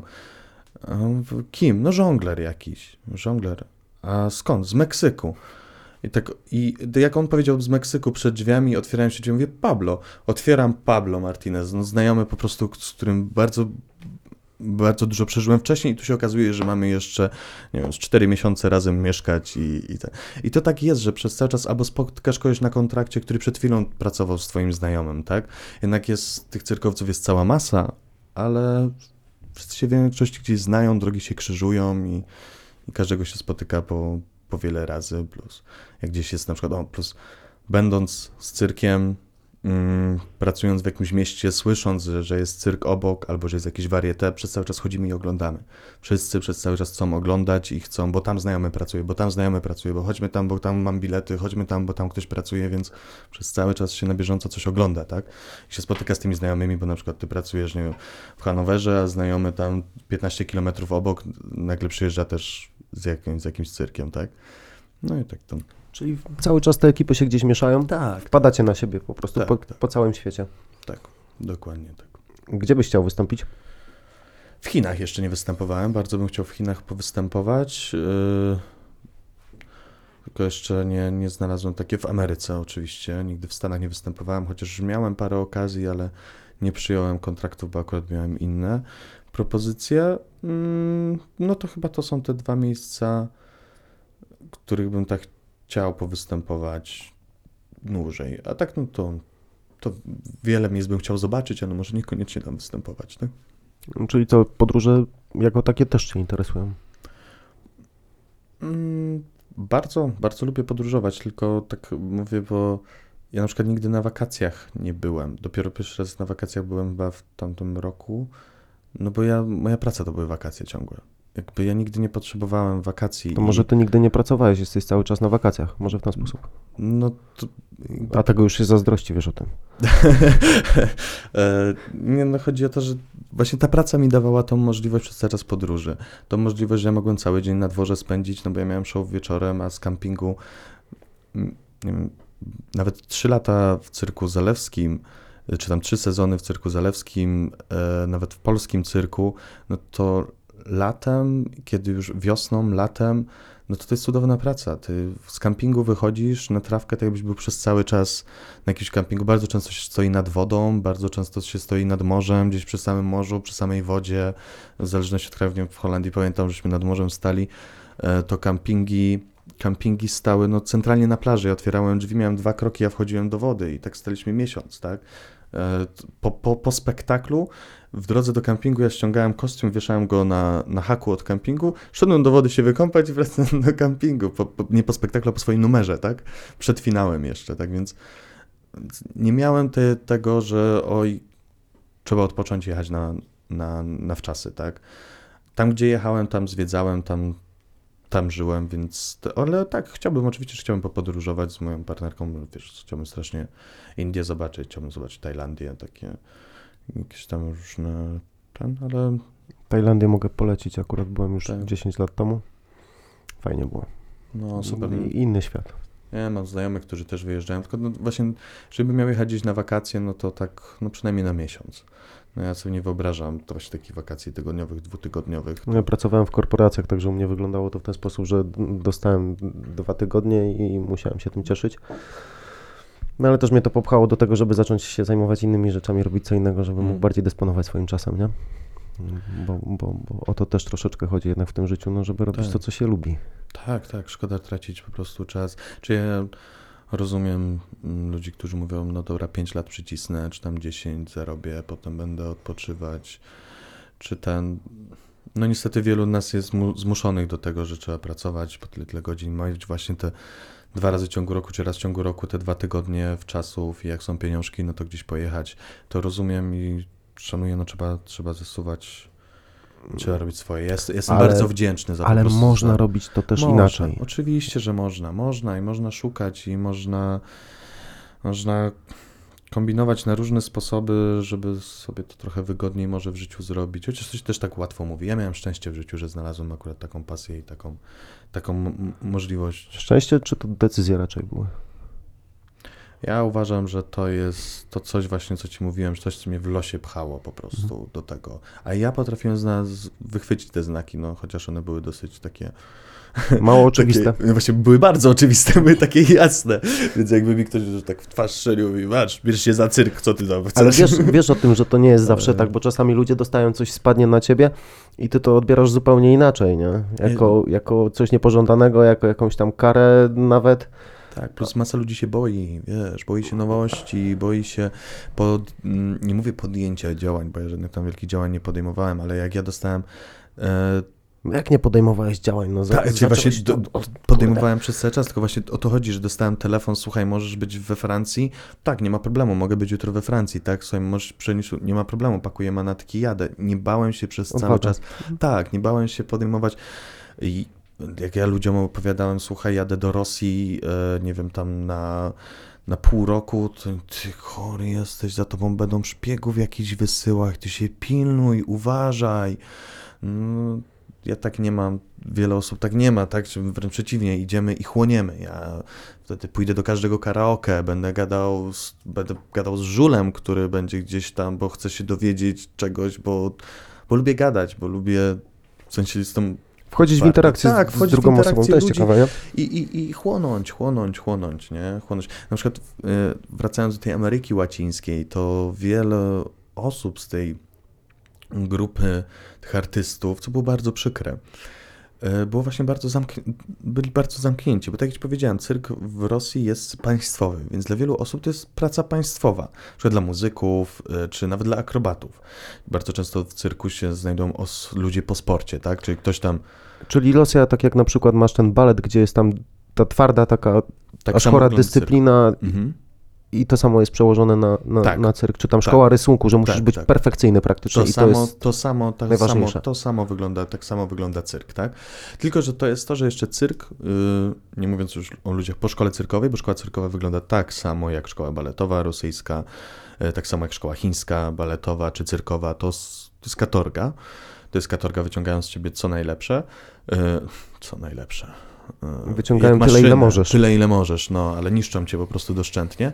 Yy, ale cyrk jako sam cyrk sobie też zrzesza cyrk jest w ogóle idealnym miejscem, jeżeli słuchają nas jacyś akrobaci, czy ktoś, to jest cudowne miejsce, jeżeli jesteś po akrobatyce, twoja kariera legła w góruzach, a ty wszystko postawiłeś na sport, idziesz do cyrku, robisz numer, nie męczysz się nawet 80% tak jak się męczyłeś wcześniej, bo robisz tylko jeden jakiś tam numer i zarabiasz o wiele lepsze pieniądze niż zarabiałeś kiedykolwiek wcześniej jako sportowiec, czy jako nauczyciel, który będzie zarabiał gdzieś ucząc na, w szkole WF-u, tak? I Czegoś najprawdopodobniej mniej kontuzji mimo wszystko. nie? Dokładnie tak, dokładnie tak, no bo jak robisz tam jakiś numer akrobatyczny, czy tam reki, czy to, no to, to nie jest taki wachlarz trików jak na olimpiadzie, jak na zawodach, jak na... To są bardziej efekciarskie triki niż... E, niż. E, no i wracając do tej grupy e, Rosjan w Ameryce Łacińskiej, to wielu z nich była strasznie zamknięta i na przykład nie chcieli oglądać. Oni mówią, że syf tam jest w Ameryce, nie, że w Kolumbii. No ludzie na ulicy śpią, jak tak można? Prykinie tat w Moskwie, no Urzas! I, i, I, tak ja ich słucham i mówię, no chorzy, no no śpią na ulicach, bo jest ciepło. No, po co ma spać w dusznym pomieszczeniu, tak? Ja się nie dziwię, że tam jest więcej bezdomnych, tam jest ciepło, tam jest przez cały czas ciepło, tam nie potrzebujesz dużo, żeby żyć. Jak w Kalifornii, nie? Tak, tam nie potrzebujesz, żeby żyć, no potrzebujesz codziennie coś zjeść i tyle, ale dachu nad głową tak to jako nie potrzebujesz, bo nie zamarzniesz zimą, nie zamarzniesz ten. Plus, co mi się bardzo podobało i co ja strasznie chłonąłem e, w Ameryce Łacińskiej, tak jako tako, nie ma tam żebraków, nie ma tam ludzi biednych, żebrzących. Tam wszystko działa na zasadzie wymiany.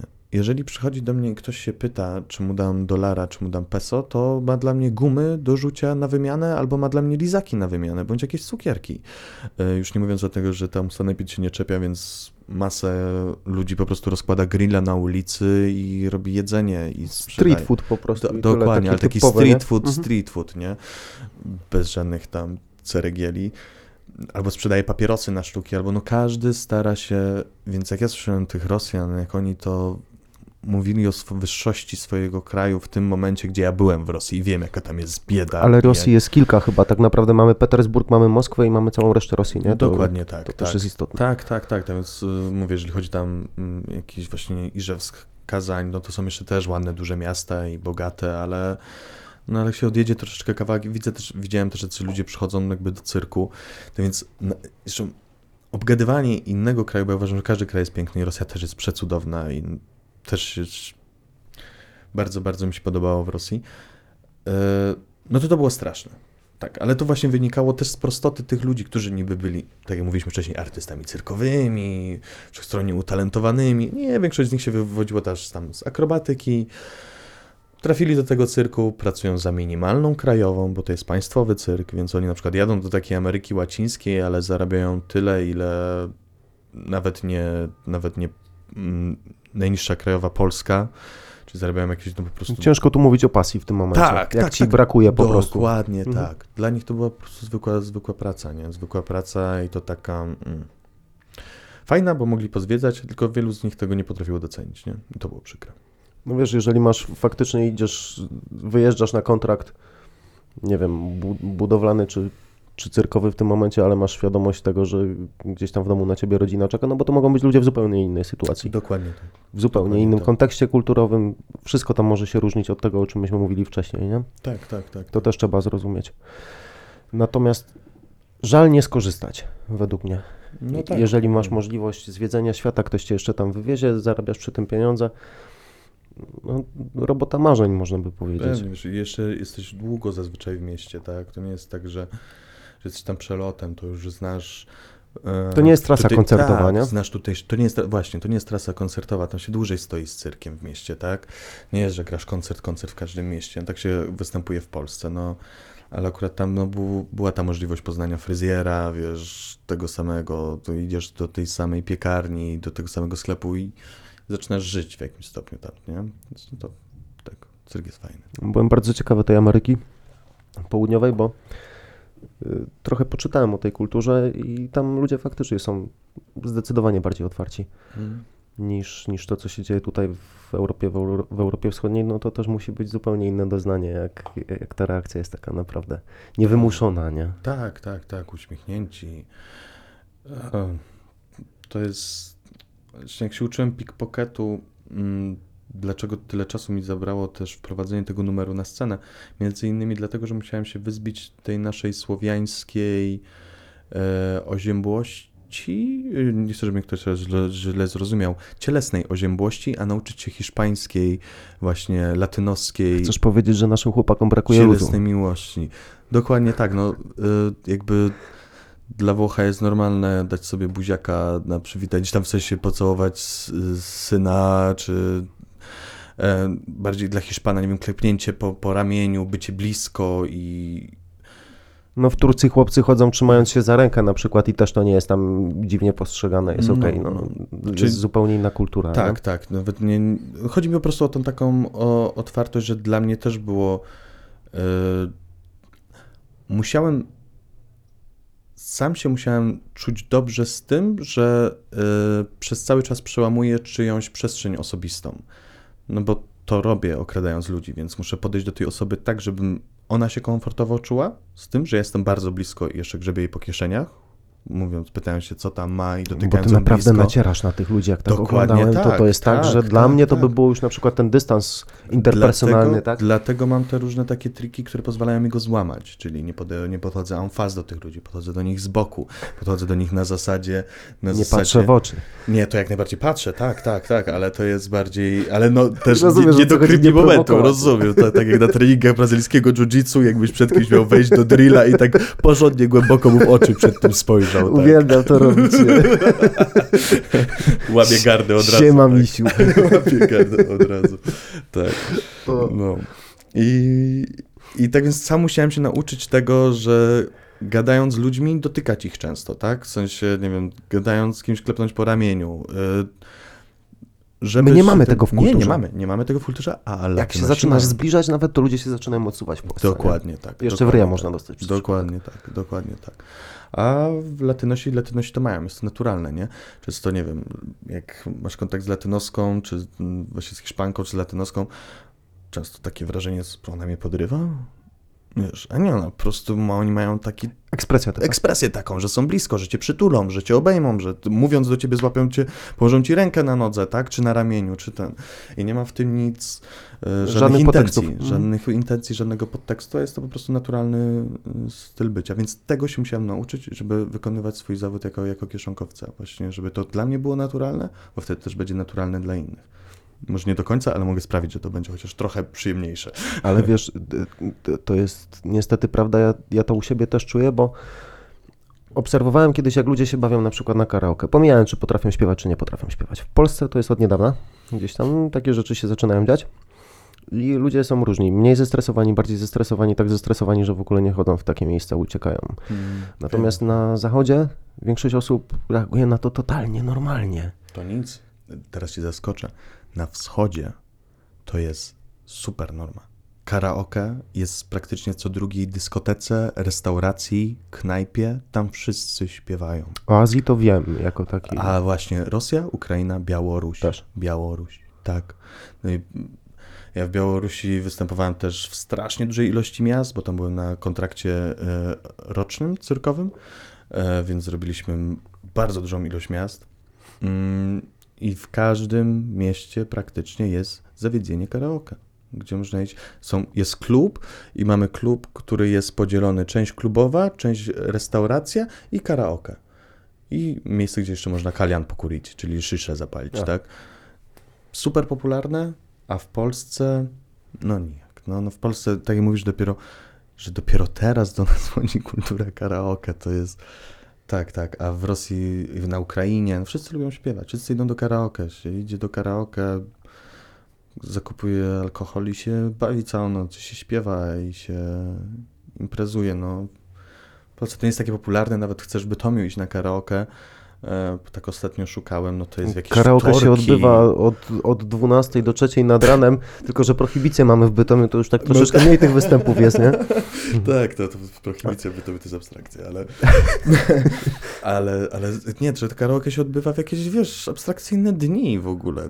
Co ty, we wtorek, czy tam, wiesz, w czwartek i przychodzisz, a tam jest, nie wiem, 12 osób, czy 15 osób, mówisz, I nikt nie śpiewa. I- Nie, a, a w takim, na takiej Białorusi, na takiej Białorusi konkursy karaoke. Idziesz stoliki, stoliki dostają mikrofony, to leci w konkurs, bo jest jakiś program, który e, bada twoją zbieżność twojego wokalu z oryginałem i ta, że jest taka maszyn, maszyna karaoke po prostu z takim oprogramowaniem i jak śpiewasz, to potem pokazuje ile procent było to bliskie oryginałowi i wygrywa jakiś tam stolik flaszkę, nie? I taki konkurs jest raz w tygodniu, bo te karaoke jest otwarte w sumie 3-4 razy w tygodniu, nie? Więc to tak, Musimy się jeszcze trochę nauczyć chyba. no jako, strasznie jako... dużo. Rozrywki się musimy bardzo dużo nauczyć. Straszne, nie? Przy, z Wychodzi drugiej na to, że strony- nie potrafimy się bawić, no. Z drugiej strony niby możliwości dla przedsiębiorców, tylko problem jest z tym, że wielu się po prostu boi i ja sam znam biznesy, które próbowały Wiesz, jak odtworzyć. ciężko jest ludzi przekonać do czegoś, czego nie znają? Bardzo ciężko. Wiem, wiem, wiem, wiem. To jest największy problem, bo ty musisz przełamać wszystkie ich obawy, te, o których wiesz i te, o których nie wiesz. I te, o których się nigdy nie dowiesz. Dokładnie tak. Tak, i kompleksy. Łatwiej jest coś komuś przypomnieć, niż, niż, niż mu pokazać coś nowego. No nie? tak. No nic, no szkoda kurczę, ale też chyba nie można powiedzieć, że tak, że tak do końca się nie potrafimy bawić, jednak coś tam, coś tam w tej Polsce rusza, zaczyna się dziać. Ludzie przychodzą na występy, nie? Tak, tak, tak, tak, oczywiście. No, dzieje się coraz więcej, mam coraz więcej przedstawień teatralnych, e, cięższego typu i luźniejszego typu, tak, musicale, e, no bo już nie mówmy tam wstępowo, tak, opera, teatr, ale już się zaczynają robić już grupy jakieś ala musicalowo-rewiowe, które tam po prostu jest to przegląd piosenek, tak. Oczywiście Polacy też się świetnie bawią, też mieliśmy dancingi, nie dancingi kiedyś przecież, e, tylko na swój sposób. Teraz w tej dobie kapitalizmu i może tego, że też ludzi nie stać trochę też, tak, no jednak wyjście, wiesz, całą rodziną, no to jest, to jest 150-200 zł, tak. No to jest wydatek. To jest wydatek i to taki, na, to mówiłem, taki zwykły spektakl, a teraz nie wiem, w sumie chcesz pójść na Dusoleja, no to już jest 400-500 zł, tak. No, No, to zdecydowanie już nie dla każdego, nie? no właśnie, a to, no niestety to musi kosztować, no bo jeżeli mamy x ilość artystów i x ilość, to też produkcja kosztuje, tak. No, ale jest tego coraz więcej i jest coraz więcej ludzi w teatrach pewnie i na występach i właśnie mamy coraz więcej tych takich obiezdnych teatrów, teatrów trzech, czterech aktorów, tak, e, kabaretów, właśnie tych takich musicalowych rzeczy. Domy kultury ten zaczęły pracować troszeczkę inaczej, bo tam też się to Idealnie. pojawia, nie? Tak, tak, tak, bo już teraz, Biblioteki nawet czasami gdzieś tego nie było. bo już teraz możesz po prostu każdą z tych sal wynająć. Tak. Bez żadnego problemu. Nie Większość- musisz tłumaczyć dlaczego, a po co, a co tu się będzie działo. Tylko ile kosztuje wynajem za ten wieczór i ty jako producent produkujący tam jakiś rodzaj e, show sobie wynajmujesz na wieczór, sprzedajesz, robisz sobie reklamę, sprzedajesz i wtedy to się zaczyna dziać. Plus olbrzymia kasa z Unii Europejskiej poszła na te wszystkie ośrodki. One naprawdę, niektóre teraz wyglądają jak, jak tysiące dolarów. No. Idziesz do jakiegoś pścinia dolnego z przeproszeniem, a tam jest wow, szczena ci opada po prostu, jak jest odnowiony dom kultury, jakie ma ekrany od, dźwiękowe, odsłuchowe, e, kamery, jaki, jaki, e, na jakim poziomie są światła i często nie ma komu tym świecić. Tak, no, tak więc to jest tak Sprzęt fajnie. stoi też często niewykorzystany, też o tym słyszałem. No, ale... No niestety, ale fajnie, że te dotacje były i to się rozwija i jest, są miejsca, gdzie naprawdę może się dużo dziać i starają się zapełniać po brzegi te repertuary. No teraz mieliśmy ten okres pandemii, więc No to już chyba za nami, mam nadzieję. Nie wiem, jak to wygląda tam z twojej perspektywy. no mam taką nadzieję, że też... Kurczy się już chyba ten, ten, ten no, temat. zobaczymy we wrześniu wszystko, tak, znowu jakby. To, to, Czyli co, czekamy przez wakacje, tak? Zobaczymy tutaj, Mm. turystyka gdzieś ruszy, wszystko jest pootwierane, a we wrześniu się okaże, czy, czy mamy pandemię, czy nie mamy. Zobaczymy we wrześniu, czy będą znowu większe problemy niż pandemia, czy będzie pandemia. I, no miejmy nadzieję, że już nie będzie i czy to zejdzie, bo tak, tak to był ciężki okres. Mm, Bardzo Dla ciężko. wszystkich. Dokładnie tak. rozmawiałem w międzyczasie tutaj z Michałem Sadanowiczem. E, Michał zajmuje się organizacją koncertów w Polsce. No i, i, i też branża mocno ucierpiała. Przede No. wszystkim ludzie trochę się oduczyli wychodzenia z domu. No niestety, wszyscy, ten wszyscy problem. branża artystyczna bardzo ucierpiała, każda branża, no znaczy nie każda, oczywiście są takie, które zarobiły na pandemii, ale, ale tak to... Farmaceutyczna artystyczna, głównie. Tak, to na pewno. Tak, to więc no ja też powiem, zobaczyłem jak mało znacząca i niepotrzebna jest moja praca. no tak mówię, tak od razu, tak mówisz, tak, mm, Wiesz, rozmawiałem z trenerami personalnymi, dużo osób tak gdzieś do, do takich wniosków doszło, natomiast mi się wydaje, że to nie jest tak. Po prostu był taki okres, w którym trzeba było się skoncentrować na czym innym i tyle. Tak. Ale jesteście wszyscy bardzo potrzebni, No. bo to jest gwarancja takiej normalności też troszeczkę. rozrywka. Rozrywka. Fajnie nie? jest gdzieś wyjść i coś obejrzeć. Tak, ja dzisiaj, dzisiaj mamy czwartek, nie wczoraj mieliśmy czwartek. Dzisiaj jest piątek. Dzisiaj jest piątek, wczoraj mieliśmy czwartek, miałem być wczoraj na kotach w Teatrze Rozrywki w Chorzowie, ale niestety odwołali przez wypadek na kopalni ostatni, który tu miał miejsce. Mhm. Tak, no wszyscy chcemy wychodzić, wszyscy chcemy oglądać, chcemy kultury i chcemy rozrywki gdzieś tam, chociaż te czasy internetu i właśnie ta pandemia pokazała też to, że komu ja sobie mogę w domu na, na telewizorze puścić. No to nie jest to Wiesz, samo. Oczywiście, że nie. No. To nie jest to Oczywiście. samo. Też wolałbym twój występ zobaczyć na żywo, tak szczerze. No bo jestem No. tego ciekaw. To na pewno to jest... Na YouTubie możesz cofnąć, zobaczyć jeszcze raz, co ten gość Mhm. tam zrobił. Natomiast też nie za dużo to daje, tak szczerze, żeby rozłożyć twoje Mhm. triki na, na, na czynniki pierwsze to. No u mnie tam dużo widać przy kieszonkowcu akurat, no, tam wyciągnął i tam... Okej, to jest, tu poluzowałeś jest krawat, taki- tutaj To gdzieś jest ciach, taki, ciach, ciach. taki numer, że widz widzi, a ten, który Ale chyba ma robiony, widzieć też, nie? widzi. Tak, tak, oczywiście, to jest wtedy, wtedy, wtedy jest to śmieszne, tak. Możesz robić szkolenia online, jak nie dać się okraść. Oczywiście, że mogę. Mogę. O, o tym nie pomyślałem nigdy, żeby robić jak nie da się okraść. No. Bo oczywiście dla iluzjonistów jak okradać to tak, ale o tym jak nie da się okraść, o tym nie myślałem. Myślałem, kiedyś chciałem, strasznie chciałem zrobić program typu jest taka amerykańska wersja The Real Hustlers się nazywa. E, jest to świetnie zrobione, bo to jest w takim amerykańskim stylu, czyli mamy trzech oszustów, dwóch facetów, jedna kobitka i oni robią przez czas oszustwa. Widziałem to chyba. Świetnie Mhm. zrobione, bardzo fajna produkcja, no i strasznie chciałem to w Polsce gdzieś tam odwzorować. Nawet gdzieś tam e, TVN Turbo się tym interesowało, no tylko, że to miało być zrobione po polsku, więc e, odpuściłem, bo to po polsku to, to tak trochę będzie w stylu, mm, no i tak, tak to potem wyglądało. W stylu sędzi Anny Marii Wesołowskiej, tych trudnych spraw i tych wszystkich takich. No, mam e, zerowy budżet praktycznie na produkcję czegoś takiego i wszystko jest. I ziarno tej kamery jest takie straszne i zero scenariusza jakiegoś. Tak więc, no, ale taki program jest, który uważam, że to mogło być naprawdę bardzo fajne, pokazujący oszustwa i jak się przed nimi uchronić, tak? Jak nie dać się wykorzystać. Wiesz, bo pomijając już jakieś wyłudzenia, wyłudzenia na wnuczka i tak dalej, no to chociażby takie sytuacje codzienne, tak jak mówiliśmy na początku, wyciąganie tego telefonu z tyłu. Mhm. Jak nie dać się okraść gdziekolwiek? No, to ciekawe. ciekawe tego. Pomyśl, Pomyśl. bo z tego co słyszałem, to we Włoszech w- zawód kieszonkowca jest bardzo popularny, Mm, także jakieś w Rzymie. Mhm. w Rzymie, w Wenecji, Mhm. tam po prostu wszystko ginie, nie? W momencie.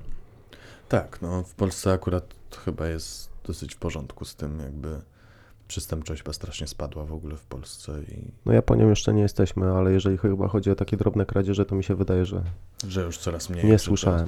No o oszustwach się oczywiście słyszy, kradzieżach samochodów, kradzieżach. No bo to są grube domu. tematy, a nie Tak, 20 zł z portfela, nie? Dokładnie tak. Plus to też takie czasy, teraz się robi inaczej oszustwo, teraz się wysyła, wiesz, masowo maila, że twoja paczka z impostu idzie i masz się zalogować i, i wypełnić dane i No Elix i tak dalej numer, Dokładnie nie? tak. Teraz jest zupełnie inny rodzaj. Teraz jest cyberoszustwo i to cyberoszustwo zostało tak popularne i tak straszne i tak przerażające zaczyna być, że tu się tworzy naprawdę poważny problem. No, no w tym się nie wyspecjalizowałem, chociaż nie powiem, nieraz myślałem, jak to można przenieść na scenę?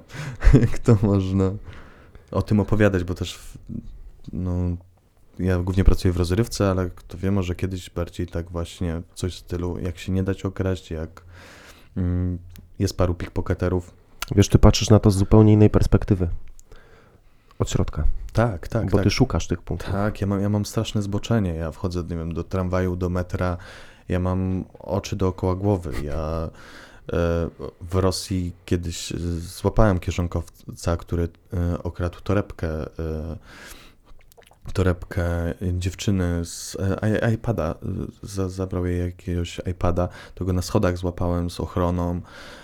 Wyciągnąłem tego iPada mu z kieszeni, oddałem tej dziewczynie, no jak potem nad ranem, no nie nad ranem, jak parę godzin później wyszedłem z klubu, to mnie po prostu on chyba z kolegami albo jego koledzy mnie po prostu z, znokautowali i przeciorali strasznie, że taksówkarz mnie zawiózł do hotelu. Tak, tak, tak. Ale właśnie to jest to, że mam, jestem wyczulony na to, jestem strasznie wyczulony na to. Czyli jak widzę, że ktoś dziwnie się zachowuje albo właśnie skanuje innych, tak. E, Plus właśnie, nie wiem, wiesz, czego szukasz. Dokładnie tak, plus nawet idąc, idąc z narzeczoną, widzę, że ktoś ma ten telefon w tej tylnej kieszeni i mu wystaje po prostu połowa tego telefonu, tak? Mówię do niej, no popatrz, no, no taka osoba sama się prosi, a kieszonkowiec to jest oportunista. Mm, To tylko w filmach jest tak, że kieszonkowiec mówi, o tego tu okradnę. To oczywiście się robi mark, się zaznacza ofiarę, jeżeli na przykład pracują w grupie, no to zaznaczają ofiarę gdzieś tam przy bankomacie, czy gdzieś, jeżeli widać, ale y, że to jest łatwa ofiara, czyli ta osoba na przykład, nie wiem, włożyła do portfela, a portfel włożyła sobie do tylnej kieszeni, bądź do kieszeni e, w kurtce tutaj, tej takiej zewnętrznej, e, jeszcze odpiętej, no to na pewno go wtedy zaznaczą i, bo on będzie łatwą ofiarą, ta osoba, tak? Ale kieszonkowiec i w ogóle złodziej to oportunista, on, jak jest okienko na możliwą kradzież, to ją wykonuje, Robi. jak nie ma, to, to się wycofuje, czyli jeżeli chociaż troszeczkę jesteśmy uważni, jeżeli chociaż troszeczkę, jeżeli się czujemy niekomfortowo, nagle za dużo osób się zebrało wokół nas, coś jest nie tak, wystarczy się do, złapać za ten telefon, wystarczy go poprawić, przełożyć do innej kieszeni, już nas zostawią, już odejdą. Bo, Odstrasza po prostu w dokładnie momencie. tak, tak, bo, no, bo się nie będzie opłacało, tak. Księżokowiec to oportunista, musi mieć łatwą zdobycz, szy, szybki clear, nie? clean. Z tym nie miałem do czynienia. Raz, raz próbowano mnie i moją narzeczoną na, na zrywkę tak zwaną zrobić. Aparat, wiesz, Mhm. był przywiązany e, do, do, do roweru Mhm. No jechaliśmy sobie na rowerkach, a obok przejechało dwóch Azjatów na skuterze. Mhm. No i ciach za ten W aparat. Tajlandii? E, w Kambodży.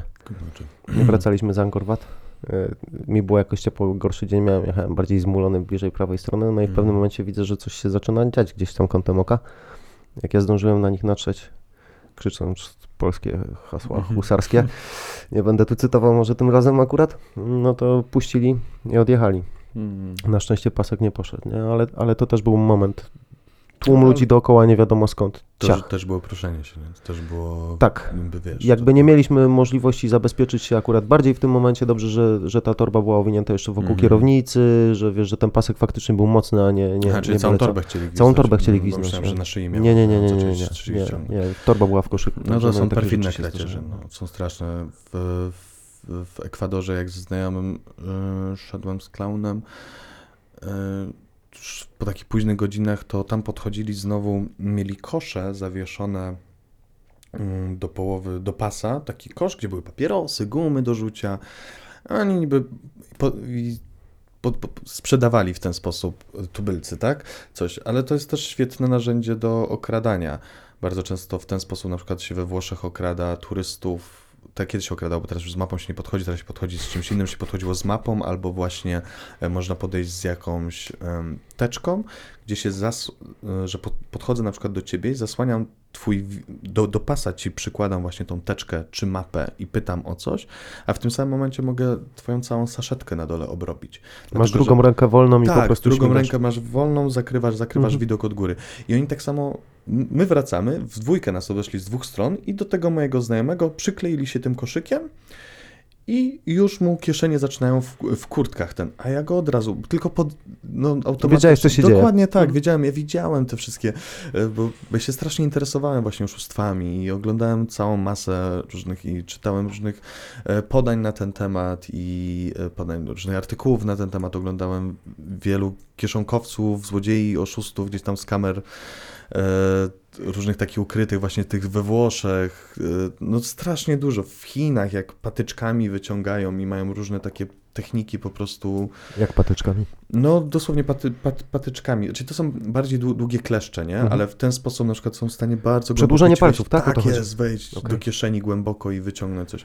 No to jak tylko go obeszli, no to ja od razu do niego mówię, że cię okradają i ich odrzucam.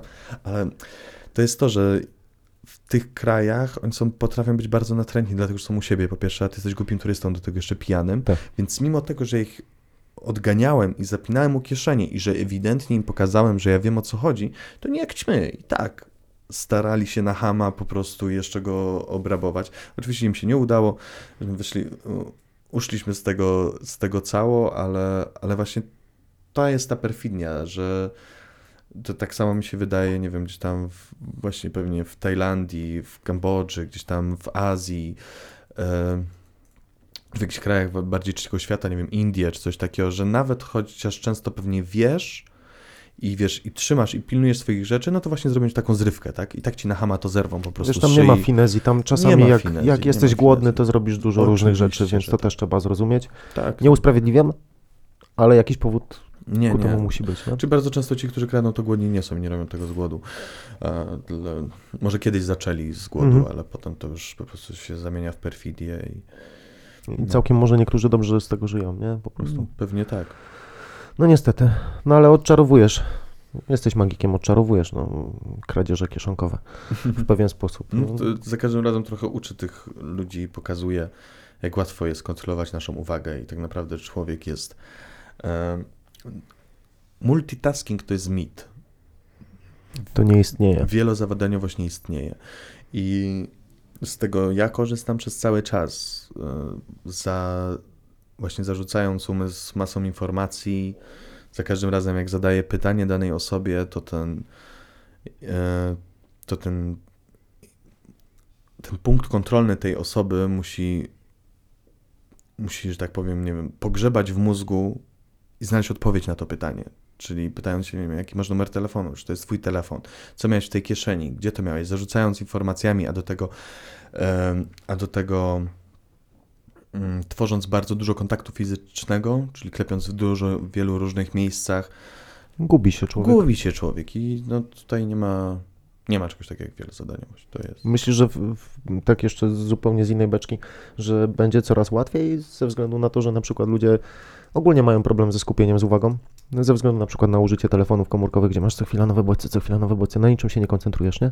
Przewijasz, przewijasz, przewijasz, przewijasz. Będzie to coraz łatwiejsze? Czy coraz łatwiej będzie kieszonkowcom? Mm, Wiesz, my jesteśmy rozproszeni maksymalnie.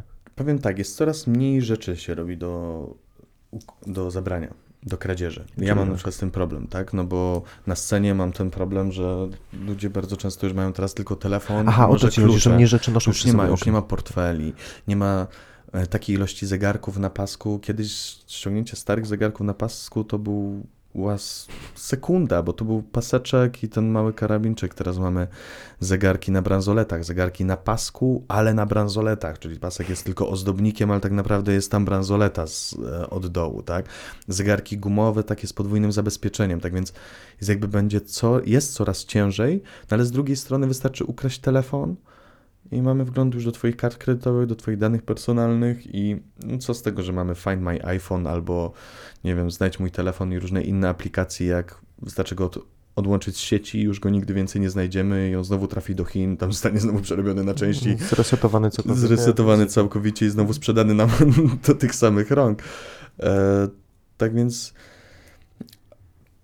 na pewno jest łatwiej, bo ludzie są bardziej rozkojarzeni, chociaż wydaje mi się, że ludzie kiedyś też byli rozkojarzeni, bo też czytali gazety i też, wiesz, czytali książki i też mieli tą głowę opuszczoną i też gdzieś, gdzieś y, myślami, ale się, z drugiej strony się robi coraz mniej przedmiotów, no ale wystarczy właśnie, wystarczy taki Apple Watch albo iPhone Masz i wszystko. już mamy wszystko, nie? Już mamy wszystko. Problem Cały jeszcze z włamaniem się do tego, ale to Dokładnie jest inna, tak. No i, i tutaj, tutaj miejmy nadzieję, że to będzie tak jak idzie w coraz lepszym kierunku, że to będzie coraz cięższe, że ten dostęp do naszych personalnych informacji będzie już bardzo utrudniony. No, teraz się okrada ludzi inaczej. Skanery NRF, y, NRF, NRF skanery kart kredytowych, tak? A Nie wiem, jak się te skanery nazywają, ale wiem o co No, chodzi. wystarczy, wystarczy to Przejść nawet- obok, prawda? Dokładnie tak. Tam nie musi być wystarczy, nawet Wystarczy kontaktu. przyłożyć telefon do, do kieszeni czyjejś, tak? Do, do portfela, który leży na barze. I to nawet jak mm, kiedyś oczywiście się zagłębiałem Nie musisz nic wyciągać czytałem, praktycznie, tak, tylko nic, gdzieś- Nic i to wystarczy jakiś tani telefon z Androidem i tam już jesteś w stanie, który będzie miał ten czytnik i jesteś w stanie już tym telefonem dokonać kradzieży, nie wiem, jak ktoś zostawi portfel w barze, albo przejść koło niego i właśnie, albo podczas, nie wiem, podać się za kelnera i podczas płacenia rachunku dotknąć portfela czyjegoś, tak? I sczytać, sczytać jego wszystkie dane karty kredytowej. No tak więc... Tak więc tak, kradzieże się stały o wiele bardziej zuchwałe i chyba jeszcze straszniejsze niż kiedyś, no bo kiedyś to co, no mogli ci wyciągnąć portfel z pieniędzmi. Tyle, ile miałeś, Tyle, ile miałeś, straciłeś. A teraz ci mogą do gołej nitki, że tak powiem, sklepać i jeszcze dowiedzieć się, gdzie mieszkasz w tym samym czasie, jaki masz samochód, jak się go odpala, twój numer polisy ubezpieczeniowej. Mogą ukraść całkowicie twoją tożsamość po prostu, kradnąc ci tylko telefon albo skanując tylko twój telefon bądź jakiegokolwiek twojego maila, czy gdzieś włamując się do komputera. To jest masakra teraz. To jest straszne. To jest proste i to jest cyberprzestępczość jest teraz przerażająca. Przerażająca. A najgorsze jest to, że potem koniec końców żaden bank ani policja nie przyjmie twojego zgłoszenia, no bo bardzo często to dobrowolnie zrobiłeś, bardzo często dobrowolnie, w sensie godząc się, akceptując jakiś artykuł na Facebooku czy coś takiego. E, Nie, nie czytając polityki prywatności i tak dalej, a nikt tego nie czyta, bo tam tak. jest 300 stron. Dokładnie tak, tak. Już nie mówię o takich skamerach, e, e, oszustach typu tam na Tindera ty czy inne rzeczy, nie? Tak jak, nie wiem, czy Mm, nie wiem. na Netflixie, jest bardzo ciekawy dokument Oszust z Tindera. Polecam obejrzeć. Jest, Sobie zapiszę od razu. Mhm. Oszust z Tindera. Nie przeraź się pierwszoma tam 15 minutami czy 20, bo się wydaje bardzo płytki i taki, o Jezus, ja coś takiego będę oglądał, a potem nagle robi się... Gruba afera wokół tego. Tak, tak, tak, tak. Ciekawa sprawa. Rafale, e, kończymy, bo siedzimy prawie dwie godziny już. Cool. E, gdzie cię można znaleźć, zobaczyć, Mhm. spotkać? W najbliższym czasie można mnie spotkać w Julinku. To będzie 7-8. E, maja. Tak, maja. Może być tak, że jeszcze nie zdążę tego nie będzie opublikować. E, opublikować, więc... Okolice czerwca w Polsce? Mm, czerwcu, coś mi tam wpadło w czerwcu, ale nie pamiętam gdzie. Ze strony internetowej nie pamiętam. nie, ja nie, nie, nie, nie Nie. Tym bardziej, że w Polsce jak występuję, to w większości występuję na, e, na eventach firmowych. Mhm. Jak robię biletowane, o, no to w czerwcu będą biletowane, ale to w Białymstoku. W Białymstoku będę robił w czerwcu biletowane spektakle. Za niedługo będę w Becaku robił, ale to jeszcze teraz też w maju. Też w maju. Na początku maja będę robił w Becaku jakiś występ charytatywny. Jeżeli to wszystko dojdzie do skutku, to, to, ten, a tak to... Czyli w maju w Bytomskim Centrum Kultury, Tak jest. a tak w razie czego Tak można do jest. mnie pisać, a ja się będę ciebie pytał. Tak jest. Gdzie co i jak. Dziękuję bardzo za poświęcony czas Dziękuję za zaproszenie. i mam nadzieję, że do zobaczenia. Jak najbardziej. To na razie. Dobra.